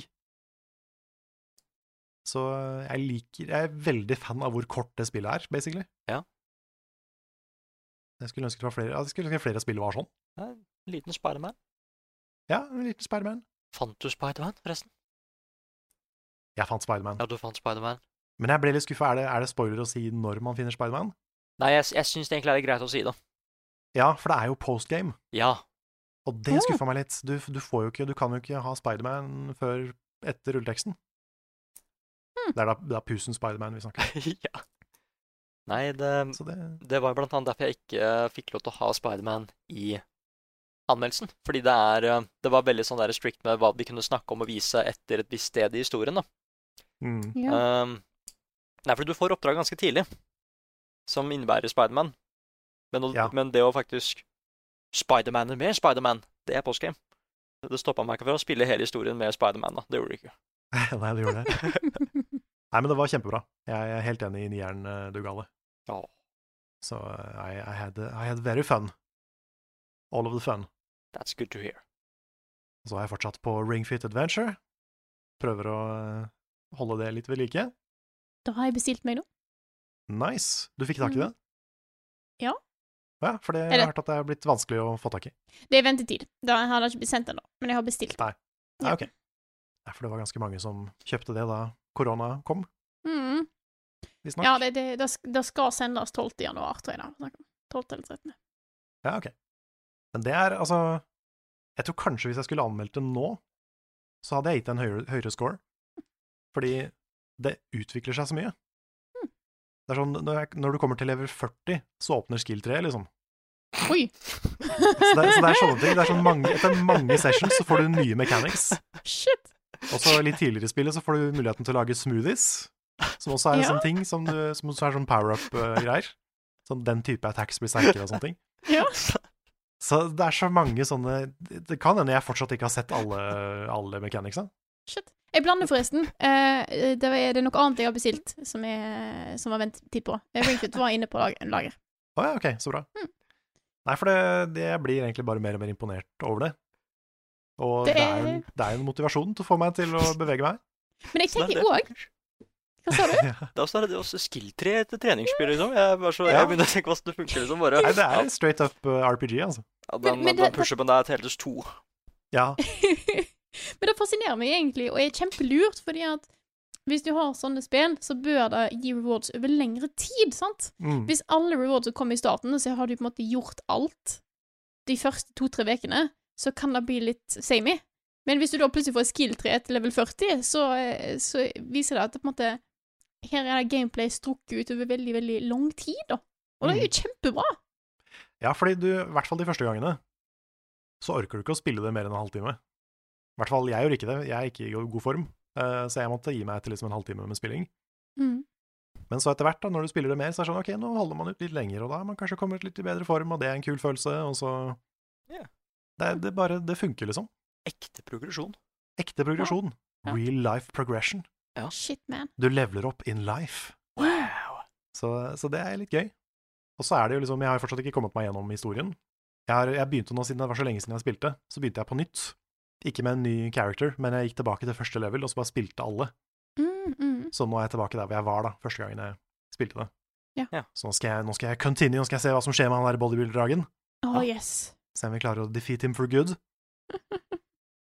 Så det blir eh, Fordi han bossen, han bossen jeg er på nå, er litt vanskelig. Oh. Så forrige gang jeg spilte, så daua jeg. Å nei. Så det er derfor jeg også gikk tilbake for å grinde. jeg, jeg, får, jeg får så mange morsomme bilder i hodet hans, fordi det er et treningsspill. Uh, Ja, ja. Ja. Jeg tenker veldig på de der uh, workout-challengene i Final Fantasy når jeg hører det her. Workout challengene Ja, de, de i Final Fantasy 7. Ja. Ja. Disse dritvanskelige challenges, liksom, hvor du faktisk må trene på ekte for å klare. Liksom. Jeg er litt spent på hvor vanskelig siste boss kommer til å være. Ah, shit. For da, da skal du kanskje være litt, litt i form i den da? Jeg vet ikke. Ja, det er Sephiroth. kanskje. Ja, kanskje det er Sephiroth. Ja, I Ringfit, liksom.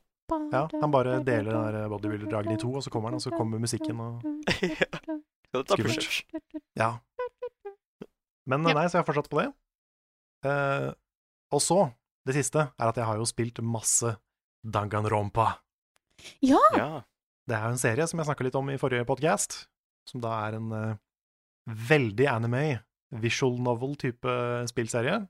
Litt Mhm. sånn i gate med Ace Attorney, Phoenix Wright. Det er så men med en veldig historie gøy at som- noen andre har kommet seg inn i den serien òg. Ja, nå, nå er jeg i gang, fordi jeg er Ja. ferdig med spill nummer én og spill nummer to, og har begynt så vidt på spill nummer tre. Ja. Pluss at jeg har sett hele animeen. Ja. Oi! Så eh, nå er jeg dypt nede i Danganronpa-law, altså. Ja, ja, ja. Shit, Og det, det beste måten jeg kan beskrive liksom historien og universet på, det er at det er det er satt sammen og skrevet av en veldig, veldig flink forfatter da de var tolv år, på en måte. Såpass, ja. For det er liksom, mangler litt sånn verdensforståelse, men det er veldig spennende og veldig sånn engasjerende og eh, high stakes. Men det er også litt sånn dum.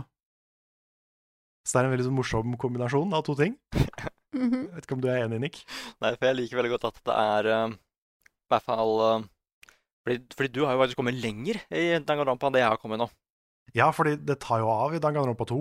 Ja, fordi jeg, hadde, jeg har bare spilt det første. Jaha. Uh, nei, fordi jeg, jeg liker veldig godt det med at uh, du, du tror det starter ganske enkelt. Og det, det gjør jo for så vidt sånn, egentlig. Ja, første lik- saken er veldig enkel. Men jeg liker veldig godt at det, det dukker opp saker som er så crazy Ja, og så innvikla at den eneste måten du faktisk kan løse det på, er midt i rettssaken, liksom. Ja, ja, for sånn er det hver gang. Ja, for det er liksom bare. Ja, for det er liksom bare jeg, hva skjedde her?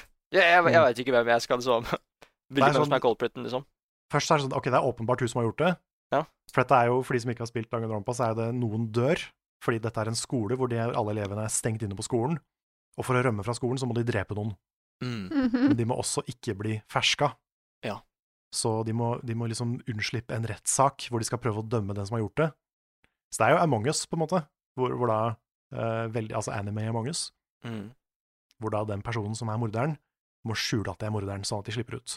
Ikke sant. Og da er det jo din oppgave som hovedpersonen, som er en veldig sånn Veldig klassisk anime-hovedperson, ja.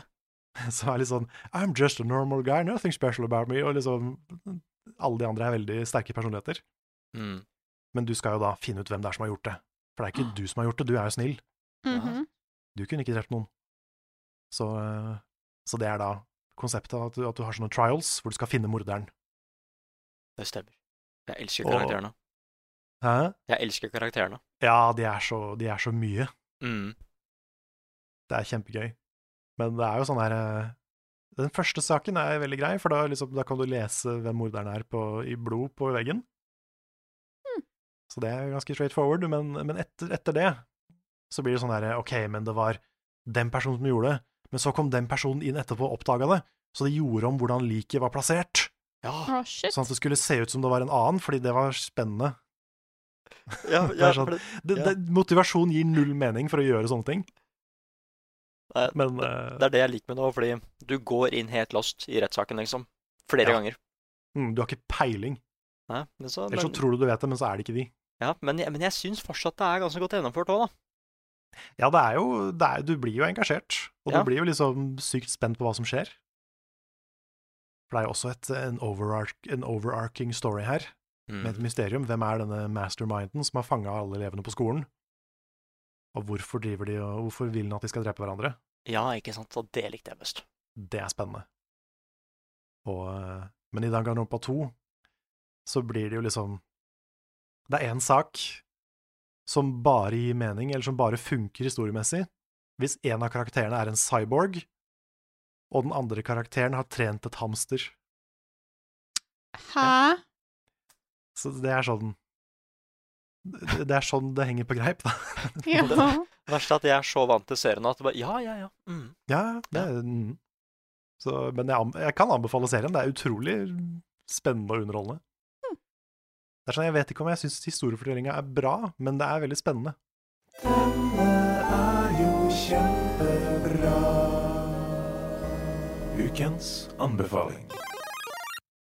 Nick, du har en liten anbefaling på lur til oss i dag, har du ikke det?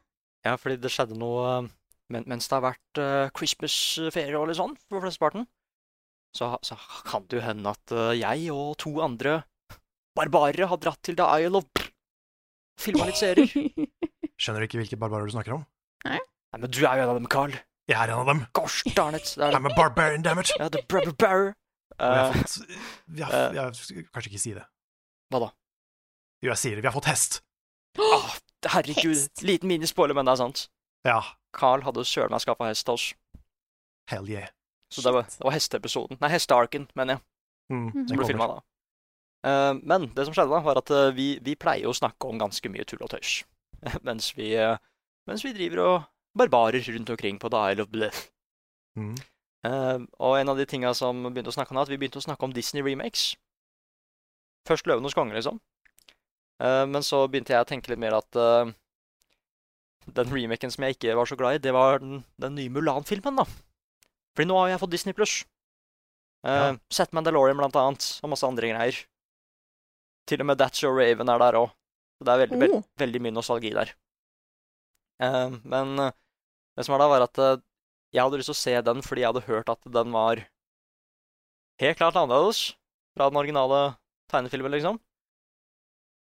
Men når du mener annerledes, så var det ikke the good kind at all. Nei, jeg har ikke sett den, men jeg har hørt at den misser poenget med Mulan fullstendig. Ja, for det er vel egentlig at hun er en superhelt her. Ja, Ja. Ehm, ja, og det er egentlig problemet, at hun er en superhelt. Ja. Ehm, Mhm. Altså, det var anbefalingen min av dere. Uh, hold dere unna den filmen. Uh, ja. Eh, nei da. eh, men, det, men det som er da, var at da fikk jeg lyst til å se den originale Mulan.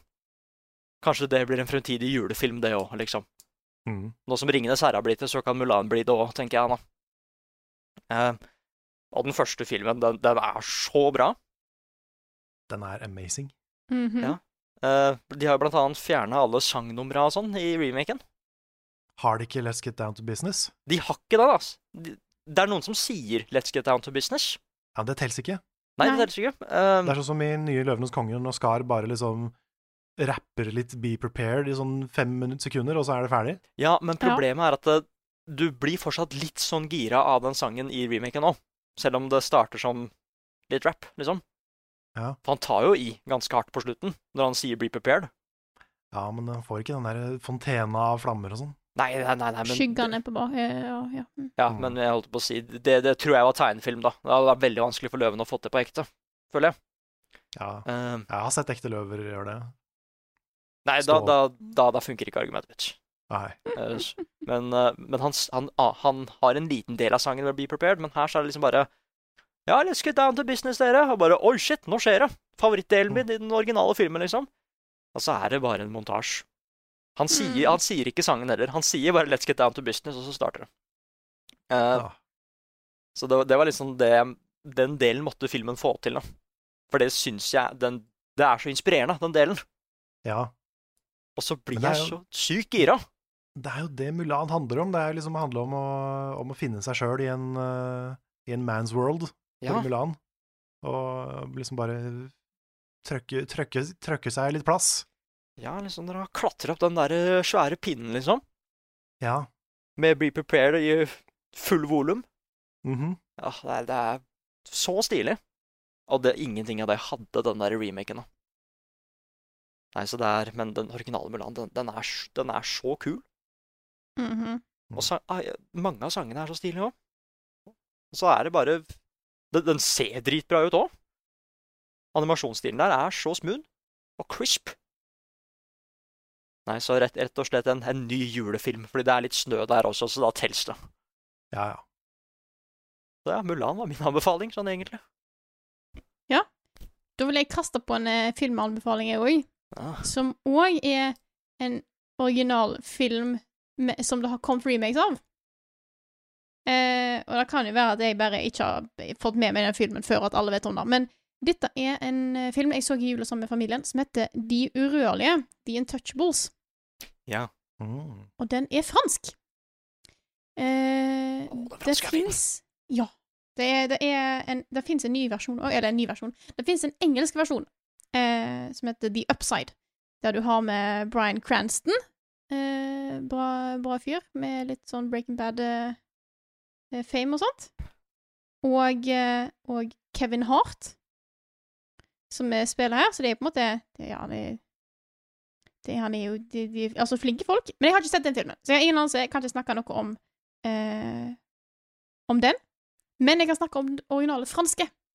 Eh, og jeg tror de har litt samme setup, eller samme, samme skuespiller Nei, samme skuespiller, sier jeg. Samme historie, for det er basert på en sann historie, dette her, om en fyr eh, som er Han er uh, handikappa, han er lam. Eh, jeg tror Store deler av kroppen. Og han eh, ender opp med å ansette en fyr til å hjelpe han Og han han ansetter, er jo ikke noe utdanna hjelpepleier eller noe som helst. Det er en, eh, en kriminell eh, som har litt humor, og det handler Hele filmen handler om deres forhold.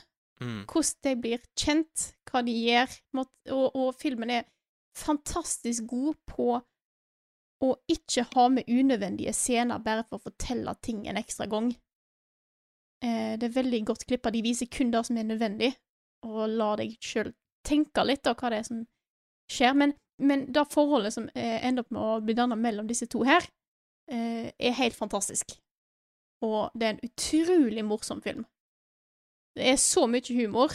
Eh, han eh, han eh, hjelpepleieren har, har en utrolig festlig væremåte. Han er veldig Han er ikke noe sånn politisk korrekt nødvendigvis overfor han her som er handikappa. Han er ganske rett på sak mange ting. Men det er utrolig, utrolig koselig og bra film. Eh, så hvis du skal se den, så vil jeg anbefale han å se den på fransk. Eh, Selv om jeg ikke har sett den engelske versjonen. Så det er ikke Bryan Cranston, det er Bryan Cranston. Ja. Men den er på Netflix, eh, så den er lett tilgjengelig for alle som har lyst. Eh, men det var en kjempe, kjempegod film. Ja, den er fin. Den overraska meg, eh, overrasker meg. Du har sett den, Nick? Mm. Hva syns du? Kan, kan jeg bare spoile en bitte liten ting på starten? Ja. Jeg liker at han, liksom, han får jobben litt sånn på grunn av spite. Eh, Ja. Fordi det er jo det at han, han, går jo, han går jo til forskjellige steder for å liksom En del av straffen hans Eller åssen skal jeg si det? Han, han går på eh, han, får, han går vel bare på basically Nav, Mm. og for å få lov til å fortsette å få da, eh, penger, så må han si at han har vært på jobb eh, Han har vært på jobbintervju. Ja, det var sånn det var. Ah. Ja, så han søker på masse random ting, og så går han der og sier at 'jeg vil ikke ha jobben, men kan ikke dere bare signere at jeg har vært her'? ja. Eh, og så ender han opp med å Ja, da får han out of spite. ja, bare Vet du hva, Nei, vet du, da, skal, da skal du få jobben, du. Med den attituden der, liksom. Og så blir de venner. Ja. Ah. Og det er, det er vakkert ære. Og de går gjennom så mye forskjellig, fordi at han eh, Han jeg håper å si hjelpepleieren har jo eh, ikke et eh, veldig A4-liv. Eh, og mister kontakt med familien og alt sånne ting. Eh, så det handler også om hvordan han ender opp med å på en måte eh, med, med hans liv, og selvfølgelig alle utfordringene han, hoved, han andre hovedkarakteren har, med at han er eh, lam, eh, og hvordan andre folk oppfatter han. Mm. Så det, det, er, det er ganske festlig, eh, for det er så mye Det er så mye rart som skjer i tillegg. Men det er veldig, veldig fin film. Ja, så liker jeg liksom at mye av humoren funker fordi det gir livsgløden tilbake til den andre, ikke sant? Ja. Mm. Så den, den gjør liksom jobben til at vi skal Vi begynner å le, men det er fryktelig god development også. Character Definitivt. development. Så det er jo, eh, det er jo en eh, dramafilm, og han har jo veldig mange veldig flotte scener. Mm. Veldig mange flotte deler av historien, og, og hva, hva disse to her gjør, og hvordan de forbedrer hverandre sine liv. Men det er bra med humor i tillegg. Mye rare, rare ting som skjer. Men det anbefales. De urealige, The Untouchables ligger på Netflix. Og Mulan, Nice. som du finner på Disney pluss. Helt riktig. Mhm. Mhm. Men kan jeg altså bare skyte inn, fordi jeg, ehm, jeg, anmeld, jeg anbefalte jo for noen uker siden den nye Ducktales på Disney Pluss. Ja. Ja. Og jeg har bare lyst til nå å anbefale den nye Ducktales på Disney Pluss. Ja. Fordi nå har jeg sett snart to sesonger Ja. sammen med kjæresten, og det blir bare bedre og bedre. Shit. Jeg hørte det. It's so good. Hvis, du har liksom, hvis man har noe forhold til gamle Donald-blader, så sånne gamle sånn Carl Barks og de, de sånn eventyrhistoriene, eller gamle Ducktales, eller hva som helst annet av sånn gammel Disney-timen-ting, om det er Darkwing Duck, om det er liksom noe av det, så er det så mye, det er så mye Dette er laga av Disney-nerds, liksom. Og det er så tydelig. Det er så mange sånn Det er ikke sånn at det blir sånn her klein referanseporno, men det er så mange referanser som er smarte, og det, de fletter inn så mye. Og det er så gøy! Det er så bra! Så det, jeg kan ikke anbefale nye Ducktails nok, altså. Sesong én var bra, sesong to er enda bedre. Og liksom, det, det er så nye tolkninger av gamle characters, som Petter Smart er en sliten IT-fyr. Så det er sånne Det er ting, da. Sånne, historier, sånne karakterer som du husker fra du var liten, som nå er liksom en litt annen tolkning av de. Og eh, jeg ble ganske hypa, for jeg hadde jo ikke Jeg hadde jo glemt Jeg hadde et sånn vagt minne om en sånn superhelt i Ducktales. Som ikke jeg huska helt hvordan så ut. Men det er jo Gizmo Duck. Ja. Og, og Gizmo Duck er jo med, Oh. men han blir bygd opp på en kul måte i løpet av serien. Så det er skikkelig origin story for Gizmo Duck, liksom. Dæven. Og det er sånne ting, da. Alle, liksom, alle karakterene som man husker sånn vagt, får sånne kule origin stories, og det er kjempegøy! Så check a look. Ducktales, goddammit. Woo. Her kommer nyheter med Kyle. Og han er i år. Ja, det blir nyheter med meg igjen. Rune er jo ikke her, så da tar jeg over ansvaret. Og vi starter i Norge, fordi Krillbite har jo annonsert et helt nytt spill ved navn Sunlight. Ok. -hmm. Som da ser ut til å være en rolig, sånn meditativ spillopplevelse, hvor man går i skogen og er noen blomster, og det ser veldig sånn fredelig og fint ut. Veldig stilistisk, eh, sånn maleriaktig eh, stil på det. Mhm. Og det lanseres allerede 14. januar. Wow. Og det er jo Det er ikke lenge til. Nei. Det er bare en uke til, det. Ja. Så eh, det, det var ikke på min radar. Jeg vet ikke om de har, ikke om de har snakka noe særlig om det før, før den traileren kom. Nei, altså det er jo sikkert en ting som er fordi de har fått støtte fra norsk, eh, altså, norsk film, så må de jo ha sagt hva at de jobber med det. Ja, jeg, for jeg har liksom ikke hørt Jeg kan ikke huske å ha hørt noe særlig om det før nå. Nei, men det kan være iblant. Men det er ikke det en ting? For å få støtte til Jo, fra- da, ja, da blir det organisert er automatisk, på en måte. Ja. Men, eh, men ja. Jeg vet ikke, hva, vet ikke hva de har fått av støtte til det spillet her. Det kan være det bare et lite sideprosjekt i tillegg. Uh, Don't know. men uh, mm. Men uansett veldig veldig kult at det bare kommer et uh, nytt spill fra Krillbite plutselig. Dette like er jo da, for de som ikke husker Krillbite, det er jo gjengen bak Among the Sleep og Mosaic. To veldig, veldig bra spill. Så Mhm. de er jo noen av de flinkeste utviklerne i Norge. Jeg liker når, eh, når eh, spillutviklere bare Hei, spill! Boop! Ja, here's a game. Kommer et par uker. ja, spesielt når det er kule spillselskap som Krillbite. Og norske spillselskap. Ikke sant? Så det er, det er spennende. Det kommer nok litt impressions om ikke lenge fra oss. Mhm. Så går vi videre til Minecraft Earth, det vil si det AR-spillet på mobil. Okay. Det blir stengt. Ja. Det skjøtter ned. Jeg fikk egentlig nesten ikke med meg at det kom ut. Nei, er det noen som har spilt det? Som har testa det? Nei. Nei. Nei. Ikke jeg heller. Det er kanskje litt derfor det skjøtter ned. Det er mange Ja. som ikke spilte det. det. Det kunne jo potensielt blitt en stor ting, fordi Pokémon Go var svært, og Minecraft er jo en svær ting allerede. Men jeg vet ikke, kanskje ikke det ble Kanskje ikke det fenga nok? Kanskje ikke det var nok word of mouth rundt det? For det var jo da det spillet hvor du kunne bygge Minecraft-bygninger og sånt i virkeligheten, og øh, se de da via mobilen. Mm. Men det, det Altså, for meg så virker det jo som en god idé, men det har bare ikke slått an. Jeg vet ikke om de har markedsført den nok, med tanke på at vi ikke helt For jeg husker det var snakk om det, nå er det ute. Jeg bare sånn, ja. Ja, jeg husker det kom ut i noe Ja. alfa, eller om det, det var Jeg husker ikke. Ja, det er da. Jeg kan ikke huske at jeg liksom har fått en full release. Jeg hadde forventa å sett liksom ads overalt, siden det er en så stor ting. Men Mm. Nei, det It didn't work.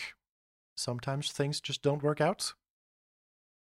Men vi kan gå videre til Fumito Ueda, som har teasa sitt neste spill. Det er jo da eh, teamet bak Ico, Shadow of the Colossus og The Last Guardian. Oi, what?! Jeg trodde det var Final Fantasy. Oi, shit. Det er, dette er Nei, det, Ja. Det er ganske spennende. Det er da en stor, de, har, de har slippet et bilde, jeg tror det var på nyttårsaften de gjorde det. Så slapp de et bilde med en svær logo av 2021, og de tre første talla, altså 202, hadde da Ico, Shadow Colossus og Last Guardian i seg. Ah. Og det fjerde tallet hadde et nytt spill, altså en skikkelse i en rød kappe langs en fjellskrent. Så det var jo bare et blitt et bilde, et litt sånn diffust bilde av eh, en eller annen mystisk figur. Ja. Men det, men det er jo da det fjerde spillet. Journey. Journey kunne vært. Men det ser jo, det ser jo ut som et Team Ico-spill, det her. Mhm. Med samme type stilen og, og sånn, men utenom det så vet vi veldig lite. Åh, nå må jeg finne noen er bilder. bare, bare et bilde. Ja, sånn at det det, hvis vi da ser på release-tider på spill, eh, så hvis vi tar utgangspunkt i hvis vi tenker at det, det utvikler seg, da, så har du jo eh, The Last Guardian, som tok hvor mange år å komme ut? Nei, det var vel rundt ti, var det ikke det? Ja, så da får vi spill i eh, 2031. Ja. ja, for jeg tror ikke dette her betyr at det kommer i 2021. Nei, nei, da Det er en annen sak. Det, altså, det kan jo hende, men, men I, I wouldn't bet on it. Ja, se her, hvem, hvem er han her? Eller hun Ja, her? hvem er den? Er det connecta med noen av spilla, eller er det helt nytt univers? Ja, for det er det jeg glemmer mest med The Last Guardian når jeg skal spille det. Mm. Eh, Bare, hva er koblingen? For det er helt klart en kobling mellom IK og Colossus. Det er det. De to spilla er veldig connecta. Så det gjenstår å se om, det, om de fortsetter den, eh, den greia der. Mhm. Men vi må også innom Fall Guys, fordi Doom kommer til Fall Guys. Ja. Yeah. Neste uke kommer det Doom-kostymer, litt sånn som det har kommet Sonic-kostymer og sånne ting før. Ja. Så da kan du fly rundt som Doom-guy i, i Fall Guys hvis du vil. Yeah. Jeg har ikke, jeg har ikke sjekka sesong tre av Fall Guys ennå. Har dere gjort det? Nei, det er litt av, jeg. Nei, men jeg har hørt den er veldig bra.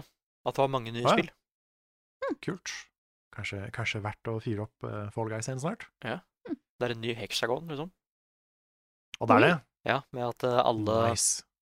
Hvis jeg har forstått det litt, eh, riktig, så er det at det, det er Istedenfor svære mellomrom mellom platene, liksom, så er alle platene most sammen. Fordi de er is isteden, og de går i stykker gradvis. Mm, Ja, Så du må være litt eh, Det er en annen strategi der, og det virker litt spennende. kult. Og så er det glatt. Det er is. Ja. Det høres ut som noe vi må spille. Mm. Og så har det lekka en spillbar bild av Tomb Raider 10th Anniversary Edition på nett. Og, og okay. dette er jo faktisk det som er spesielt, er at det er jo et kansellert Tomb Raider-spill. Som skulle komme i 2006 til PSP. OK. Så det er jo da ganske mange år siden det her var aktuelt. Men eh, nå har det da lekka en, en slags spillbar bilde. Jeg vet ikke hvor mye av spillet man kan spille, eller om det er, eh, om det er en demo, eller om det er en, et fullt spill. Men eh, det ble da aldri ferdig, så ble aldri, lagt, ble aldri gitt ut. Hm. Så det er hvis man er Tomb Raider-fan og vil spille en uh, Piece of Lost History, så kan man gjøre det. Og så har jeg en nyhetssak som er veldig aktuell akkurat nå. Fordi mens i, i snakkende stund så har Games Done Quick samla inn litt over én million dollar til Prevent Cancer Foundation. De holder på fortsatt, ja. og kommer til å streame fram til eh, søndag. Så har dere sett noe særlig i Games Done Quick ennå? Masse. Litt grann. jeg. Ja? Har dere noen høydepunkter dere vil trekke fram? Jeg kan trekke fram den ene jeg har sett. Ja. Nei, jeg så eh, Hades speedrun, og jeg tenkte fader, det må jeg få med meg. Og eh, det var, det var interessant. Der eh, tok de jo utgangspunkt i en eh, Det var ikke en ny save, men en godt, godt utvikla save. Og så skulle du gjøre tre consecutive runs der du skulle komme deg ut da, med tre ulike våpen på fortest mulig tid. Ah. Stemmer. De var jæklig gode. Ja, de var ganske gode. Det var kult å se på. Dette er jo, glemte kanskje å si det, men det er jo en speedrun-event, det her. Hvor, uh, hvor da de streamer speedrun etter speedrun live. Um, så det er ikke noe, ikke noe opptak av speedruns. Det er alt foregår live. Og uh, samler inn penger da til eh, Prevent Cancer Foundation. Så det er gøy å se på. I hvert fall hvis man kjenner godt til spilla, så er det kult å se folk bare fullstendig rundhjule dem. Mm. Mm. Har du noen uh, høydepunkter, Nick? Ja, jeg har En honorable mention var at det var et, et race i Ratchet Clank 2. Ja. Uh, hvor det var liksom Det var en, en time langt, det, selve speedrunnet. Men da, det var Jeg holdt på å si det var jevnt, altså. Det, det tok ganske lang tid før liksom noen begynte å komme litt lenger enn den andre.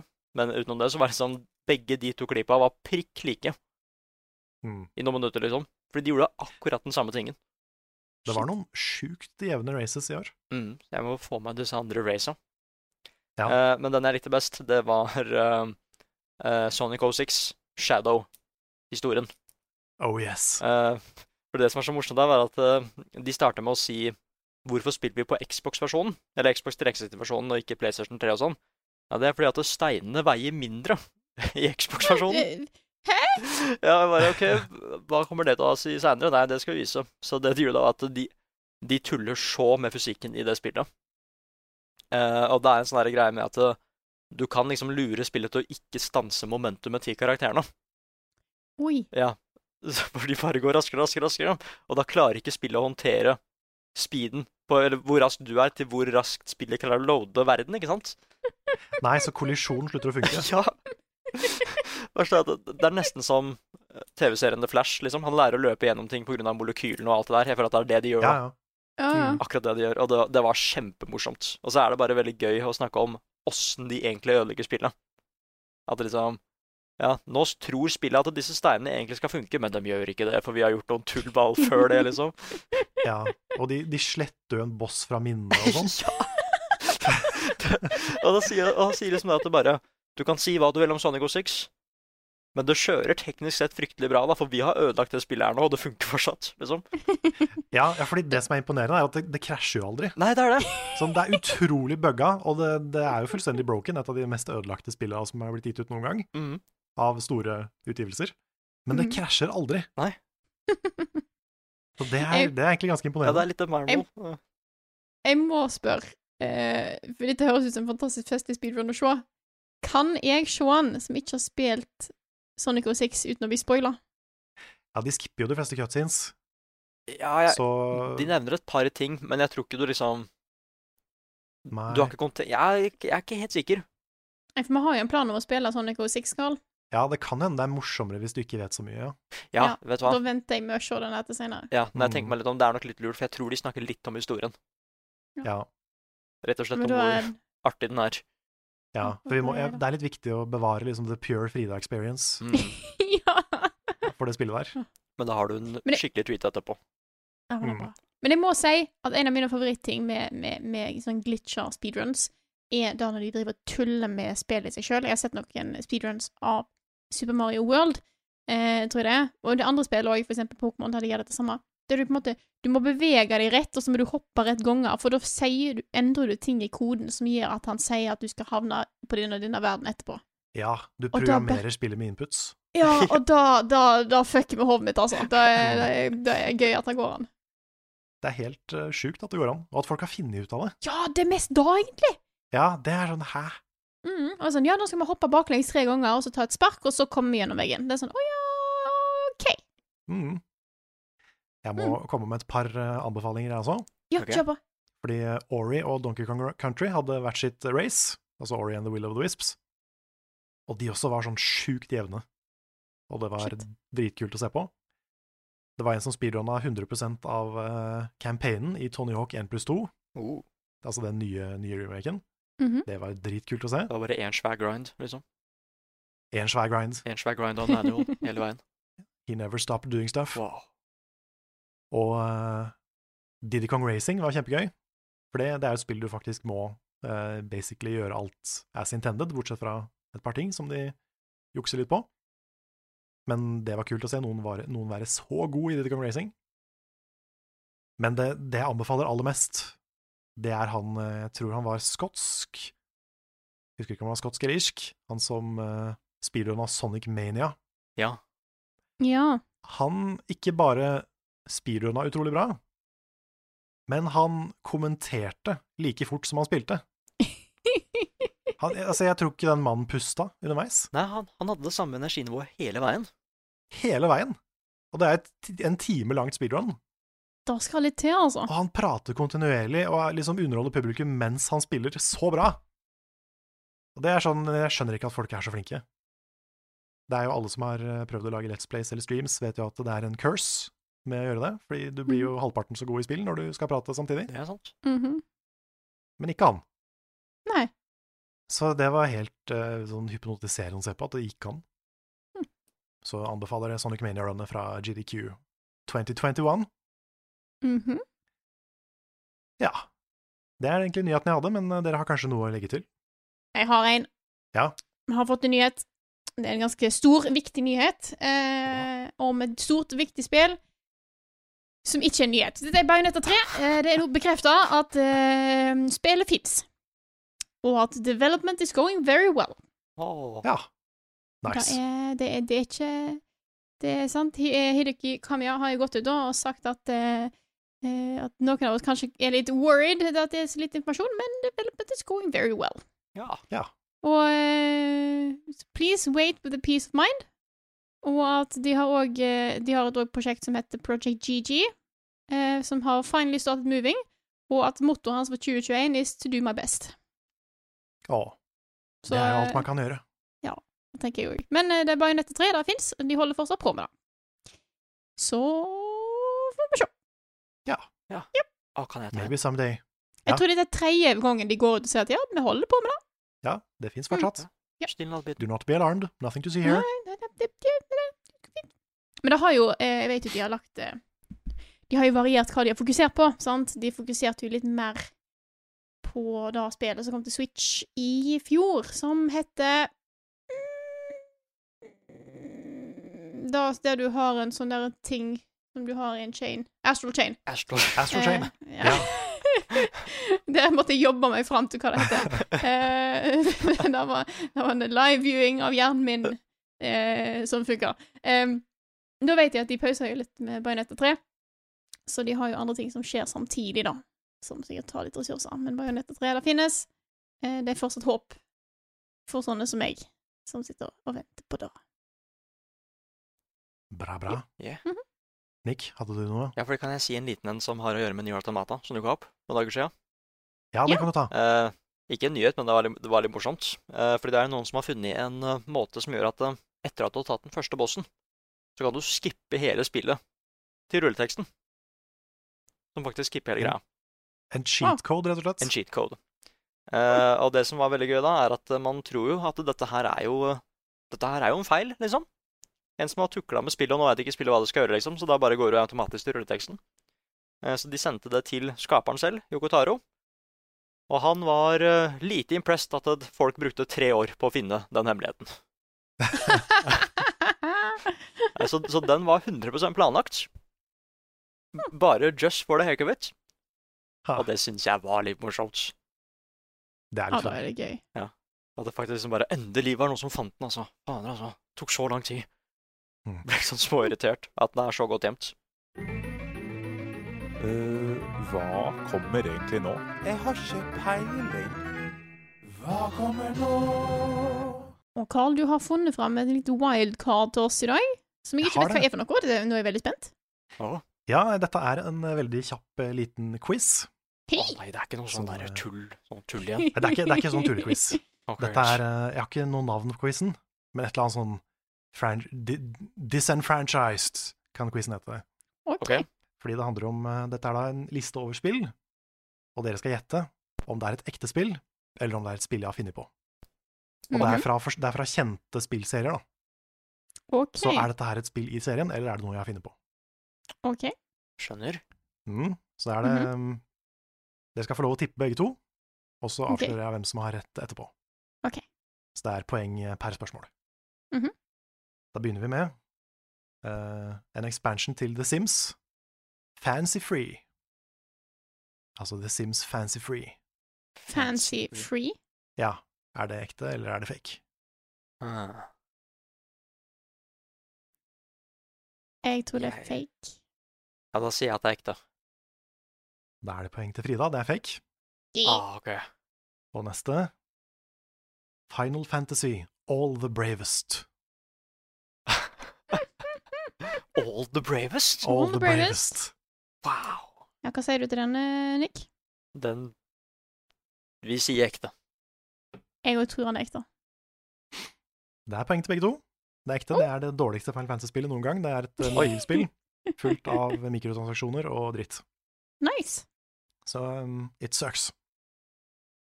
Og så har vi um, Pokémon EX Indigo Journey.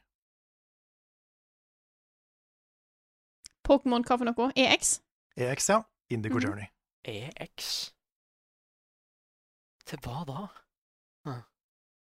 Ja, det er spørsmålet. Det kan Ja, være til hva som helst. Uh... Men det må være et spill, da. ja. ehm, si fake. Jeg vil si fake. Dere er flinke. Det er fake. Oi. Ja. Ok. Uh, Mario Teaches Typing. Ja, d- Jeg ser den ekte, jeg.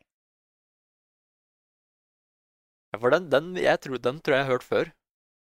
Ja, Mm, jeg ser ekte. Det er riktig. Ja. Mm -hmm. Megaman Soccer. Sjokker! oh, you never know. Hmm. Hva sier du, Nick? Det er jo en ganske crazy serie. Mm. Men eh, Jeg vil nesten at den skal være ekte òg. Det hadde vært morsomt. Uh, vi sier ekte. Just for det it. Jeg tror han er fake. Da er det poenget til Nick. Megaman Soccer is real. Ah! Wow. Og så har vi Worms Rumble. Uh... Ja, den er sikkert ekte, den. Nick, ja, jeg tror også den er ekte. Den er Jeg skal bare dobbeltsjekke det. Ja, den er ekte. Den er ekte, okay. ja. Den er ekte. Shit. Det er faktisk Jeg tror faktisk det er helt nytt. Assassin's Creed Vengeance. Hmm. Nei. Den er sikkert ikke ekte. Assassin's Creed. Det er mange PSP-spill, da. Eh, Det er ganske mange obskure Assassin's Creed-spill. ja, Det da, ja. Mm. men, Mm. men de pleier som regel å hete der de er, hvis det er mening. Liksom India og Kina og sånn. Ja, det er mye sånn Origins og, og Mm. Chronicles og sånn, da. Mm. Shit. Jeg går over for fake, jeg, altså. Å, jeg veit ikke. Jeg tar fake, jeg òg. Det er riktig. Det er fake. OK, greit. Jeg prøvde å villede dere litt, men dere, dere veit ikke på. Nei, nei. Ikke, ikke kom her. Nei. Um, Star Ocean Till Death Do Us Part. What? Star Ocean, hva er det for noe igjen? Det er en JRPG-serie. Ja. Ah, med et veldig JRPG-navn, ja. Mm. Veldig JRPG-navn. Super Mario. Super Mario til Death Park. Um, jeg tittelen er jo så uh, eh, troverdig at han det kunne vært ekte. Men kanskje det er det han vil at vi skal tro. Dette, ah, Mm. den, er tricky. den er faktisk skikkelig tricky. Mhm. Den er nesten for real. til At den er ekte, hvis det er meningen. Ja. Uh, det er jo verden et ganske magisk sted. Jeg vet hva, Vi prøver å si at den er ekte. Å nei, jeg tror, eh, jeg tror her er det villedning. Jeg tror det er fake. Ok? Åh, poeng til Frida. Den er fake. Oh, nei, da! Men det er et spill som heter Star Ocean Till The End of Time, så det, er bare, det var inspirert av det. Ah, OK. Uh, ok, neste. Mhm. Sonic Chronicles The Dark Brotherhood. OK. Uh, Sonic har jo mye rart, men denne her Mm. tror jeg er fake. Vet du hva, da sier jeg ekte. Det er poeng til Nick, for det er ekte. Nei! Det er ikke bare ekte, det er faktisk et, det er et DS Sonic RPG lagd av BioWare. Nei. Nei? Det er sant. Wow, OK. Så har du ikke spilt det? Jeg har spilt det bitte litt, men jeg, det var- jeg syns ikke det var noe bra, Okay. Nei, da så jeg, jeg ga meg. Resident Evil Code Atlas. Den kan ikke være ekte. Nei. Den var kanskje for lett, den var fake. Banjo Kazooie Grunty's Revenge. Jeg har jo ikke spilt så mye av den gjengen her, da. ja, men den, den, den tror jeg kanskje er ekte. For det kommer jo Game by Advance-spill også. Mm. Den serien er altså ganske stor, sånn egentlig. Jeg eh, tror jeg bare må si at eh, Jeg må god, til good feeling at jeg sier at den er fake, men jeg har eh, ingen grunnlag for å si det. Nei, Nick. Nei, jeg, jeg tror den er ekte. Ja. Ja. Poeng til Nick. Den er ekte. Mhm. Hva, hva er den på? Helt, helt riktig, det er et Gameboy-spill. Ja, for jeg, ja, det er flere Gameboy-spill av den. Mhm. Hva er poengene deres nå, da? Jeg har åtte. Jeg har også åtte, tror jeg. Wow, ja, det tror jeg. Jeg tror det er likt. Mhm, mhm. Oh, shit. Det er det siste, siste spørsmålet nå.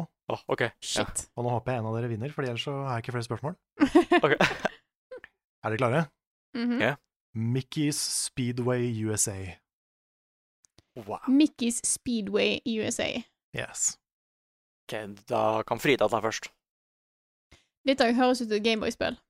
uh, og jeg sier at det er ekte. Ok, da, da sier jeg at det er fake, så får vi en, okay. en ordentlig slutt her. Ja.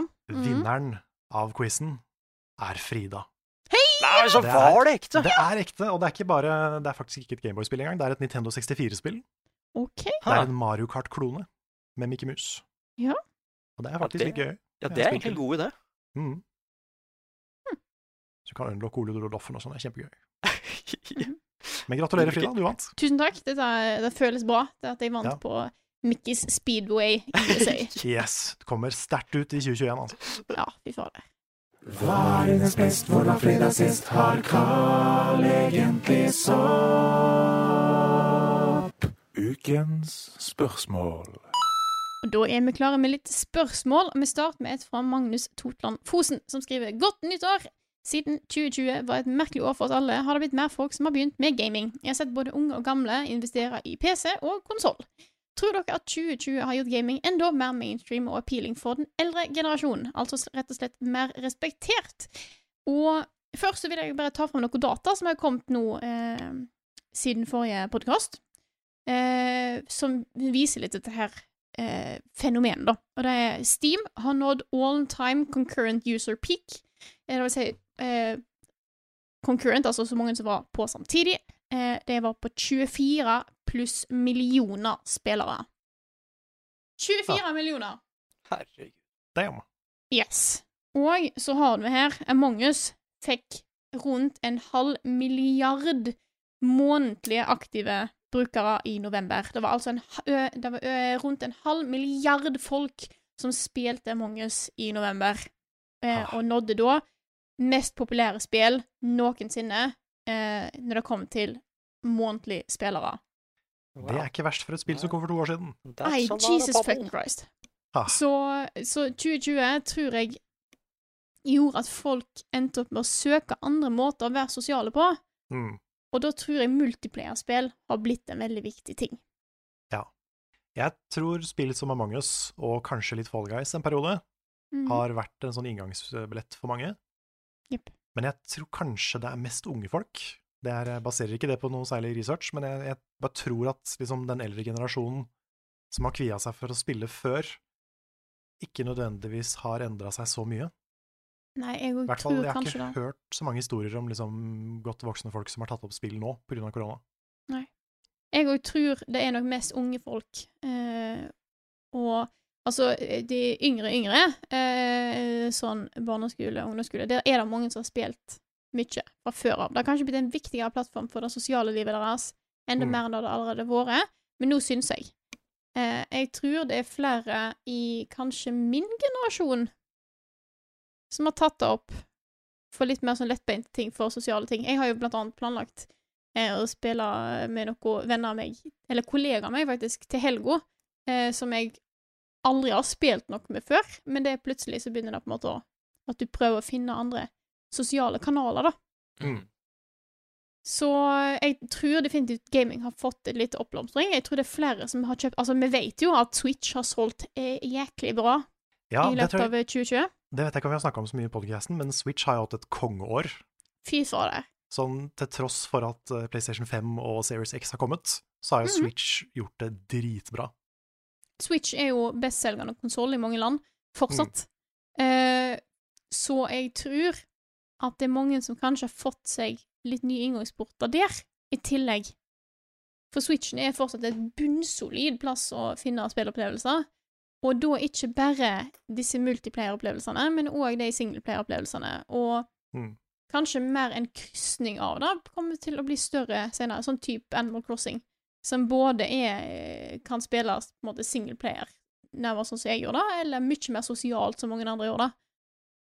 Eh, jeg tror kanskje det kommer til å bli mer vanlig. Ja, det har jo blitt litt mer mainstream i betydning at liksom du har jo hatt eh, et ekte talkshow med ekte kjendiser i Animal Crossing, Mm. og flere, opptil flere amerikanske senatorer har begynt å streame Among us og sånne ting. Ja. Så du har sett, vi har sett mer av sånne type ting. Um, jeg tror, da, basert på ingenting annet enn eh, ting jeg tar ut av min egen ræv, um, men eh, jeg tror at 2020 har vært et år hvor mange har gått tilbake til spill. Ja. Ja. Ikke nødvendigvis oppdaga spill for første gang. For jeg tror den Ja, terskelen fortsatt er litt for høy for mange. Mm. Jeg, tror, jeg tror det, da. Jeg tror folk er ute etter ting å gjøre på fritida, Ja. eh, der de vanligvis gjorde andre ting. Og så vet de at 'å ja, gaming syns jeg var gøy'. Jeg har begynt å på en måte tenke hm, skal jeg begynne å male litt? Da har jeg vurdert det siste, for jeg har jo drevet med litt sånn artig-ting før. Eh, brodering har jeg gjort før. Så jeg prøver liksom å finne jeg, jeg, jeg prøver å ta tak i hva har jeg gjort før som jeg har syntes vært gøy. Mm. Kanskje da kan være noe jeg kan gjøre nå for å underholde meg sjøl. Ja, sant. Og jeg tror Jeg- mange eh, kanskje da har funnet gaming som hm, 'Dette var jo gøy, kanskje jeg skulle prøve meg på dette her Mm. igjen'. Jeg har kjøpt meg tegnebrett igjen. Ja! Så eh, same. Mhm. Ja, nei, det er Vi får se. Jeg tror jeg, Dette er jo kun positivt for spillverden, sånn sett. Eh, men om det er forhåpentligvis så gjør det, at, eh, gjør det jo at, mer, at gaming blir mer stuereint. Ja, det er lov å håpe det. Ja. Det blir nok eh, med Om noen år så er det nok veldig mye mer stuereint allerede. Det har jo skjedd Ja. mye bare på de åra vi har dekka spill, så, Ja, ja, absolutt. så det er nok en sånn gradvis ting. Sånn uavhengig av korona også, tenker jeg. Helt sant. Og så kan jeg jo selvfølgelig eh, skryte litt av eh, Og nå kan jeg gjøre det, for nå er jeg ikke rundt her. Jeg tror det er lurt at en får mer spill i de store mediene. Ja. Eh, da tror jeg hjelper. Gjør det mer tilgjengelig for folk flest. Det er helt sant. Det var en skikkelig setback når alle de store avisene la ned spillsatsingene sine samtidig. Mm. Der Level Up på VGTV var en av de. Det var trist, men eh, nå virker det som det er litt på vei tilbake igjen. Nå, eh, Jeg har ikke fulgt så mye med på VG og Dagbladet og sånn, men, eh, men jeg ser jo at flere store mediehus nå har mer spillstoff igjen. Så det er bra. Mm. Det er et godt tegn. Oh yes. Skal vi ta et nytt spørsmål, eller var det noen Ja, Kjør på. Har du, har du flere? eh, Jeg har flere, men er det noen dere har lyst til å ta? Nick, har du et et, spørsmål? eh, Eller Carl? Du kan ta et. jeg, jeg kan ta. Ok, jeg kan ta et. Mhm. Det er fra Jon Magnus Restad. Eh, I et litt større perspektiv, hvordan forventer dere at spillmediet og bransjen vil utvikle seg i 2021? Forsiktig evolusjon, eller tror dere, vil, tror dere vi har noen større eller mindre revolusjoner i vente dette året? Jeg er litt redd for, jeg nevnte det litt sånn tidligere i podcasten, men jeg er litt redd for at korona har At vi i 2021 kommer til å merke en del av effekten av korona i spillanseringer. Fordi Greit nok at vi merka det i 2020, men da var ganske mange spill ganske langt på vei. Ja. Men jeg er litt redd for at det kanskje vil bli et litt rolig spillår. At det blir mye utsettelser prega av hjemmekontor og sånne ting. Men det også er jo bare synsing fra min side. Det kan hende jeg tar helt feil. Jeg, eh, det- ja. ja. Mm. jeg skulle si et eller annet. Eh, jo, nå kan jeg på det igjen. Jeg tror og håper på 3D-plattformrevolusjon. Hell yeah. For nå begynner de å komme tilbake igjen, folkens! De gjør det. Det har begynt å sant? Du har hatt litt større eh, Altså, Astros Playroom er en ting, men at du har eh, Ratchet and Clank som snart kommer Du har begynt å på en måte se altså, Og selvfølgelig Crash Bandicoot. Du begynner å se de store eh, De store satser på 3D-plattformer igjen. Da er jo for meg kjempegøy.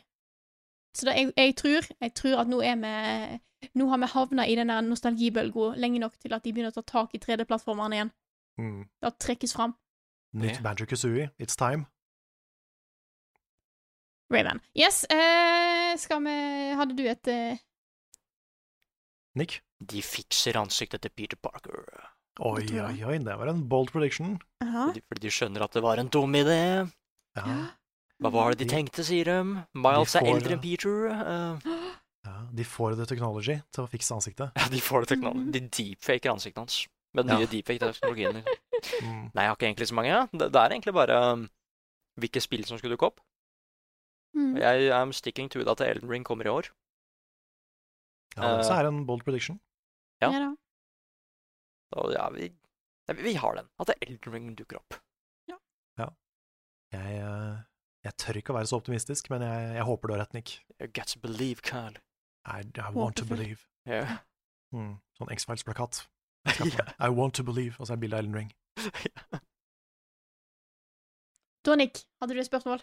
Ja, fordi fra Patron så er det en som heter LT Lash, eh, som spør hvilke spill har den beste storylinen slash story-endingen. Personlig elsker jeg storyen til Death Stranding, sier han eller hun. Ja, det er liksom et godt spørsmål at jeg har dere noen spill-endings som, som dere virkelig liksom husker? Det er jo eh, kjedelig å svare det samme hver gang, men uh, My Heart, Undertale Mhm. jeg, Det er den slutten som har gått mest inn på meg noen gang. Og den historien som har gått mest inn på meg noen gang, tror jeg. Jeg eh, liker jo godt eh, Altså, når vi snakker om hele story og alt, så er jo Portal 2 oppi der. Mm. Will always be. Yeah. Endinger, ja. Ja. Eh, slutten av Twilight Princess husker jeg traff meg ganske godt. Mm. Ja. Og Final Fantasy 9 har jo en fantastisk ending. Final Fantasy 7 var crazy. Remaken, Ja, altså. re remaken, ja. Ja, ja. Den er, den er, det er en crazy ending. Det er en crazy ending. um, nei, jeg, jeg driver og eh, Det er jo så klart slutten til Automata. Ja. Mm -hmm. Alle vi har spilt det nå, ikke sant? Bare vær sikker. Ja, ja, ja. ja. Ja, det er et valg som du får på slutten, som jeg syns er så effektivt. Mm. Kan ikke si hva det er, det er et valg der. Men den som liksom har Jeg var helt ødelagt av To the Moon første gang. Ja, fy fader. Fordi slutten er så veldig Den er så fryktelig basert på ekte ting. Og det er også noe vi snakka om i De bra barbarer, i hestearken også. Ja. At den, den tar for seg en sånn ting som jeg tenker veldig mye på. Eh, Og de har bygd hele historien rundt det. Mm. Hvem vet, kanskje det har noe å gjøre med disse origami-kaninene. Altså, I don't know. Men ja, det er nok Veldig er spent på hva du kommer til å synes om Finding Paradise. Ja, for det har jeg også hørt det er bra, ass. Å, det er så It's, it's, it's magical. Jeg har bare hørt musikken, og det er nok til at det bare Å nei, dette kommer til å bli emotional, isn't Mm. it? Og så kommer Imposter Factory. Vi har ikke, vi har ikke nok emotions. Åh. You're killing us. We can't contain these games. Jeg eh, prøver å tenke på hva spill jeg har spilt i det siste, med, med historie og sånne ting. Eh, og jeg eh, Jeg likte endingen i Ori the Will of the Wisps. Ja. Den var Den, den var kul. Og uh, ikke minst The Last of Us Part 2 sin ending syns jeg var veldig bra. Mm, ja, var, eh, herregud, hele den, ja. Jeg var eh, sterkt bekymra hele veien, men jeg ble, jeg ble tilfredsstilt av slutten, Ja, enig. faktisk. Den Var så bra, altså? Ja, jeg syns det. Jeg syns det. Ja, og Spiderman tenkte jeg altså på nå, faktisk. Første Spiderman. Ja, første Spiderman har en veldig sterk ending. Den er bra, altså.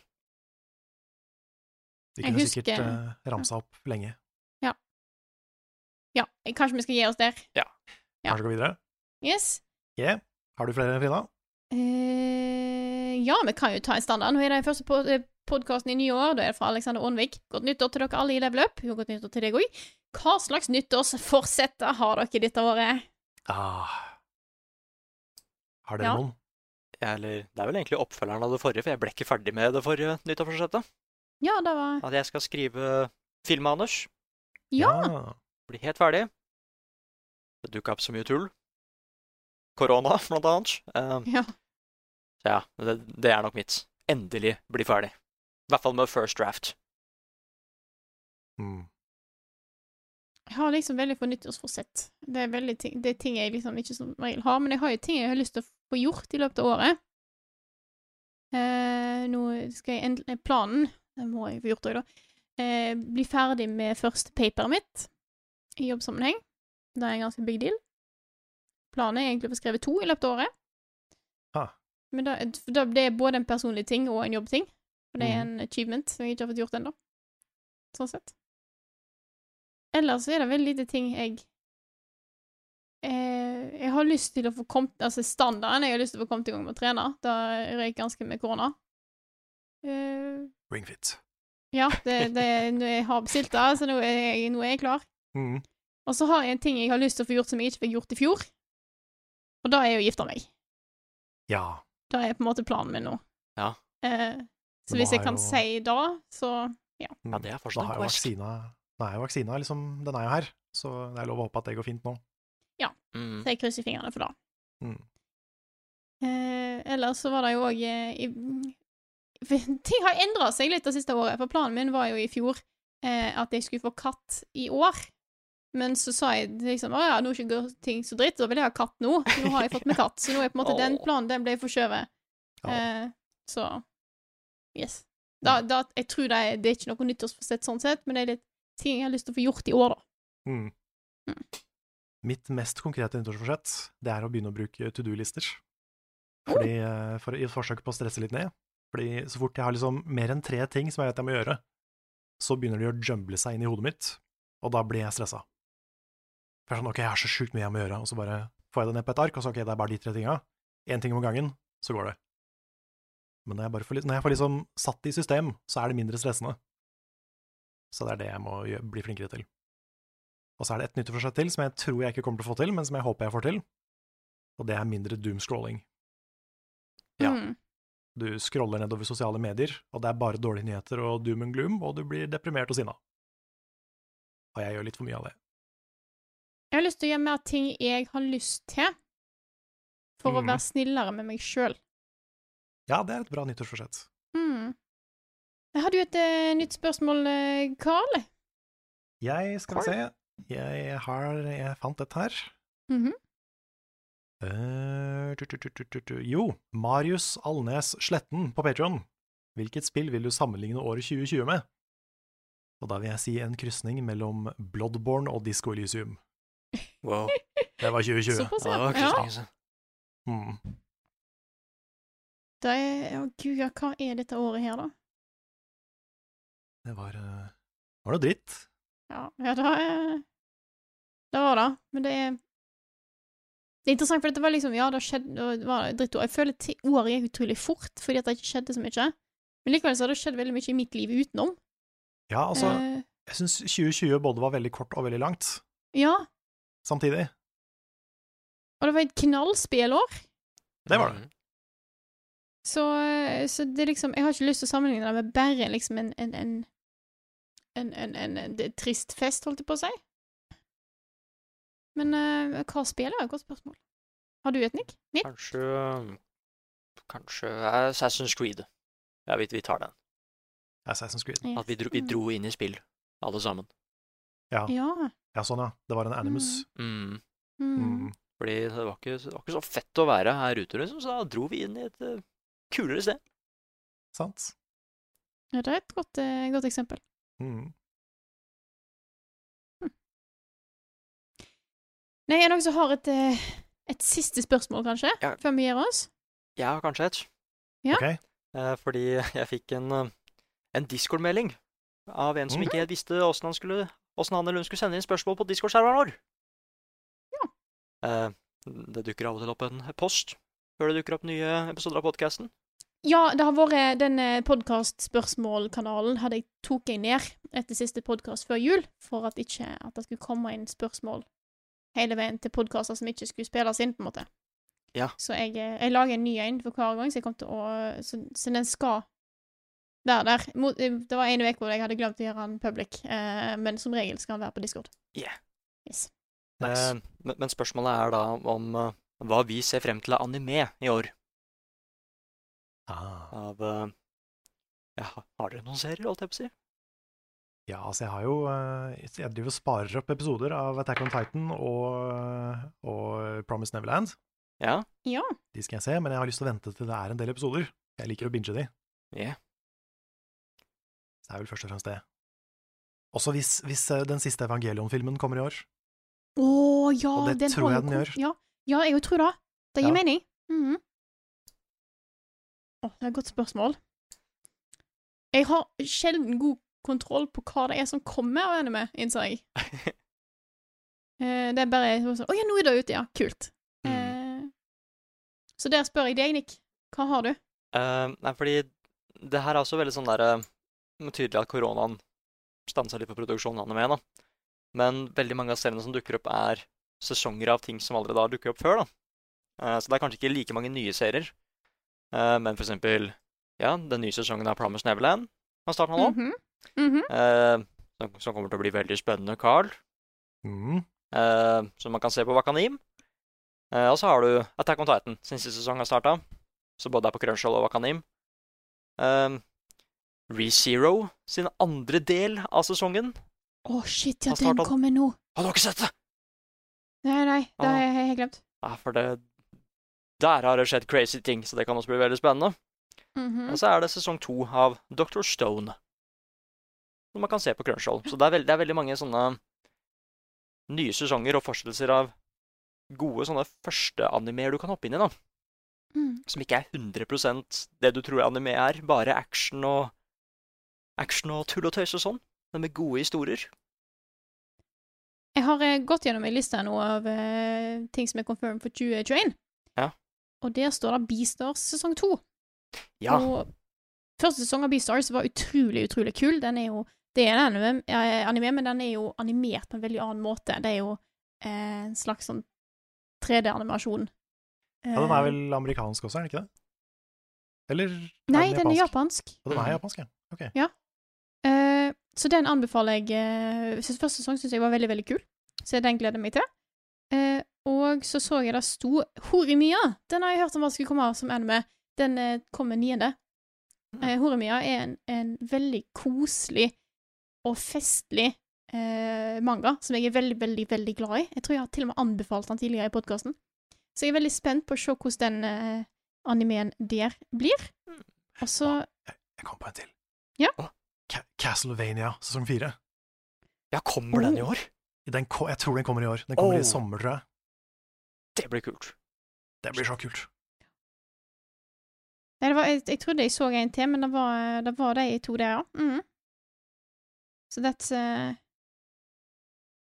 That's, uh, that's something. Mm. Og så er det, er det ikke snakk om òg My Hero Academia.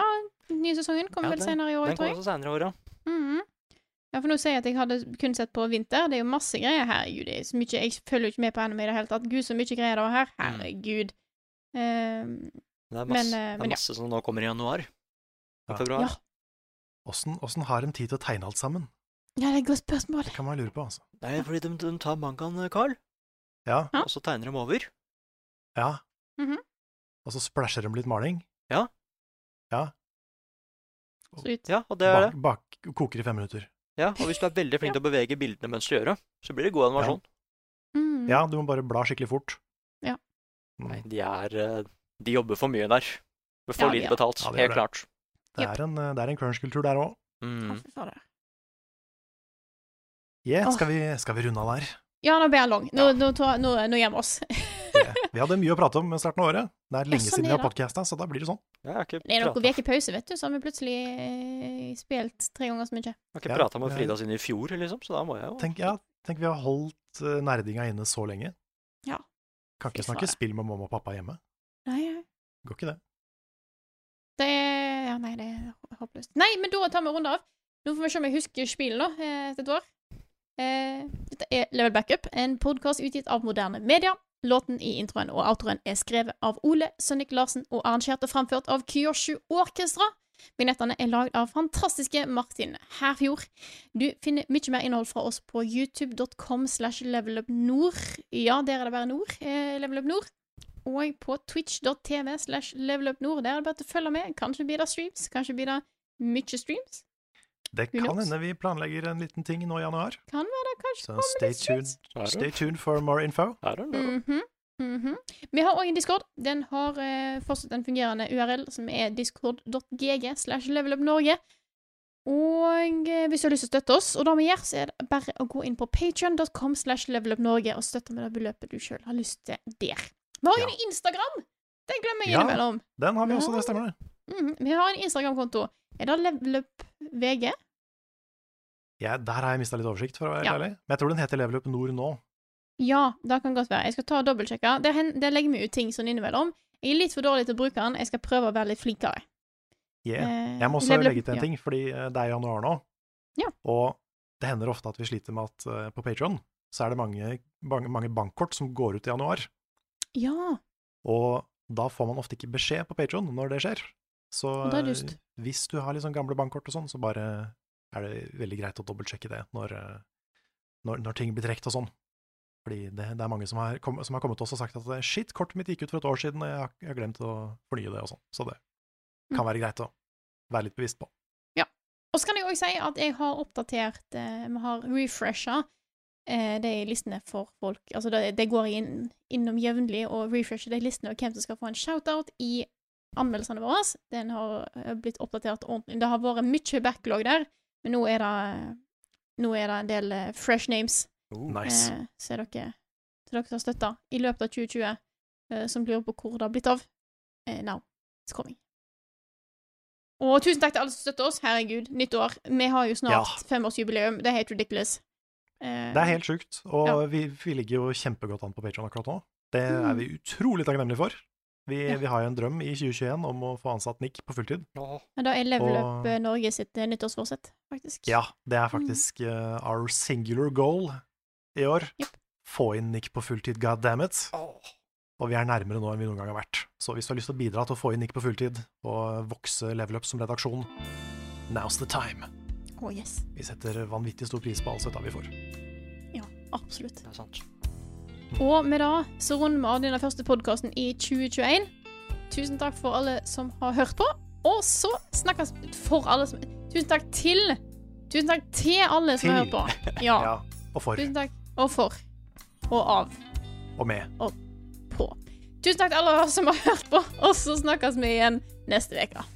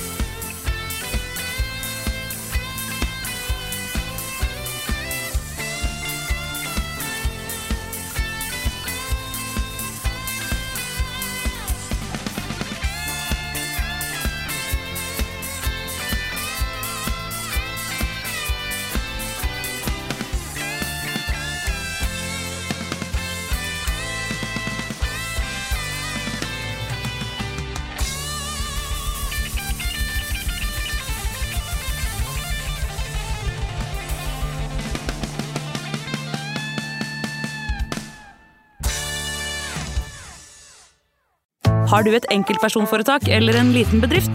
Da er du sikkert lei av å høre meg snakke om hvor enkelt det er med kvitteringer og bilag i fiken, så vi eh, gir oss her, vi. Fordi vi liker enkelt. Fiken superenkelt regnskap.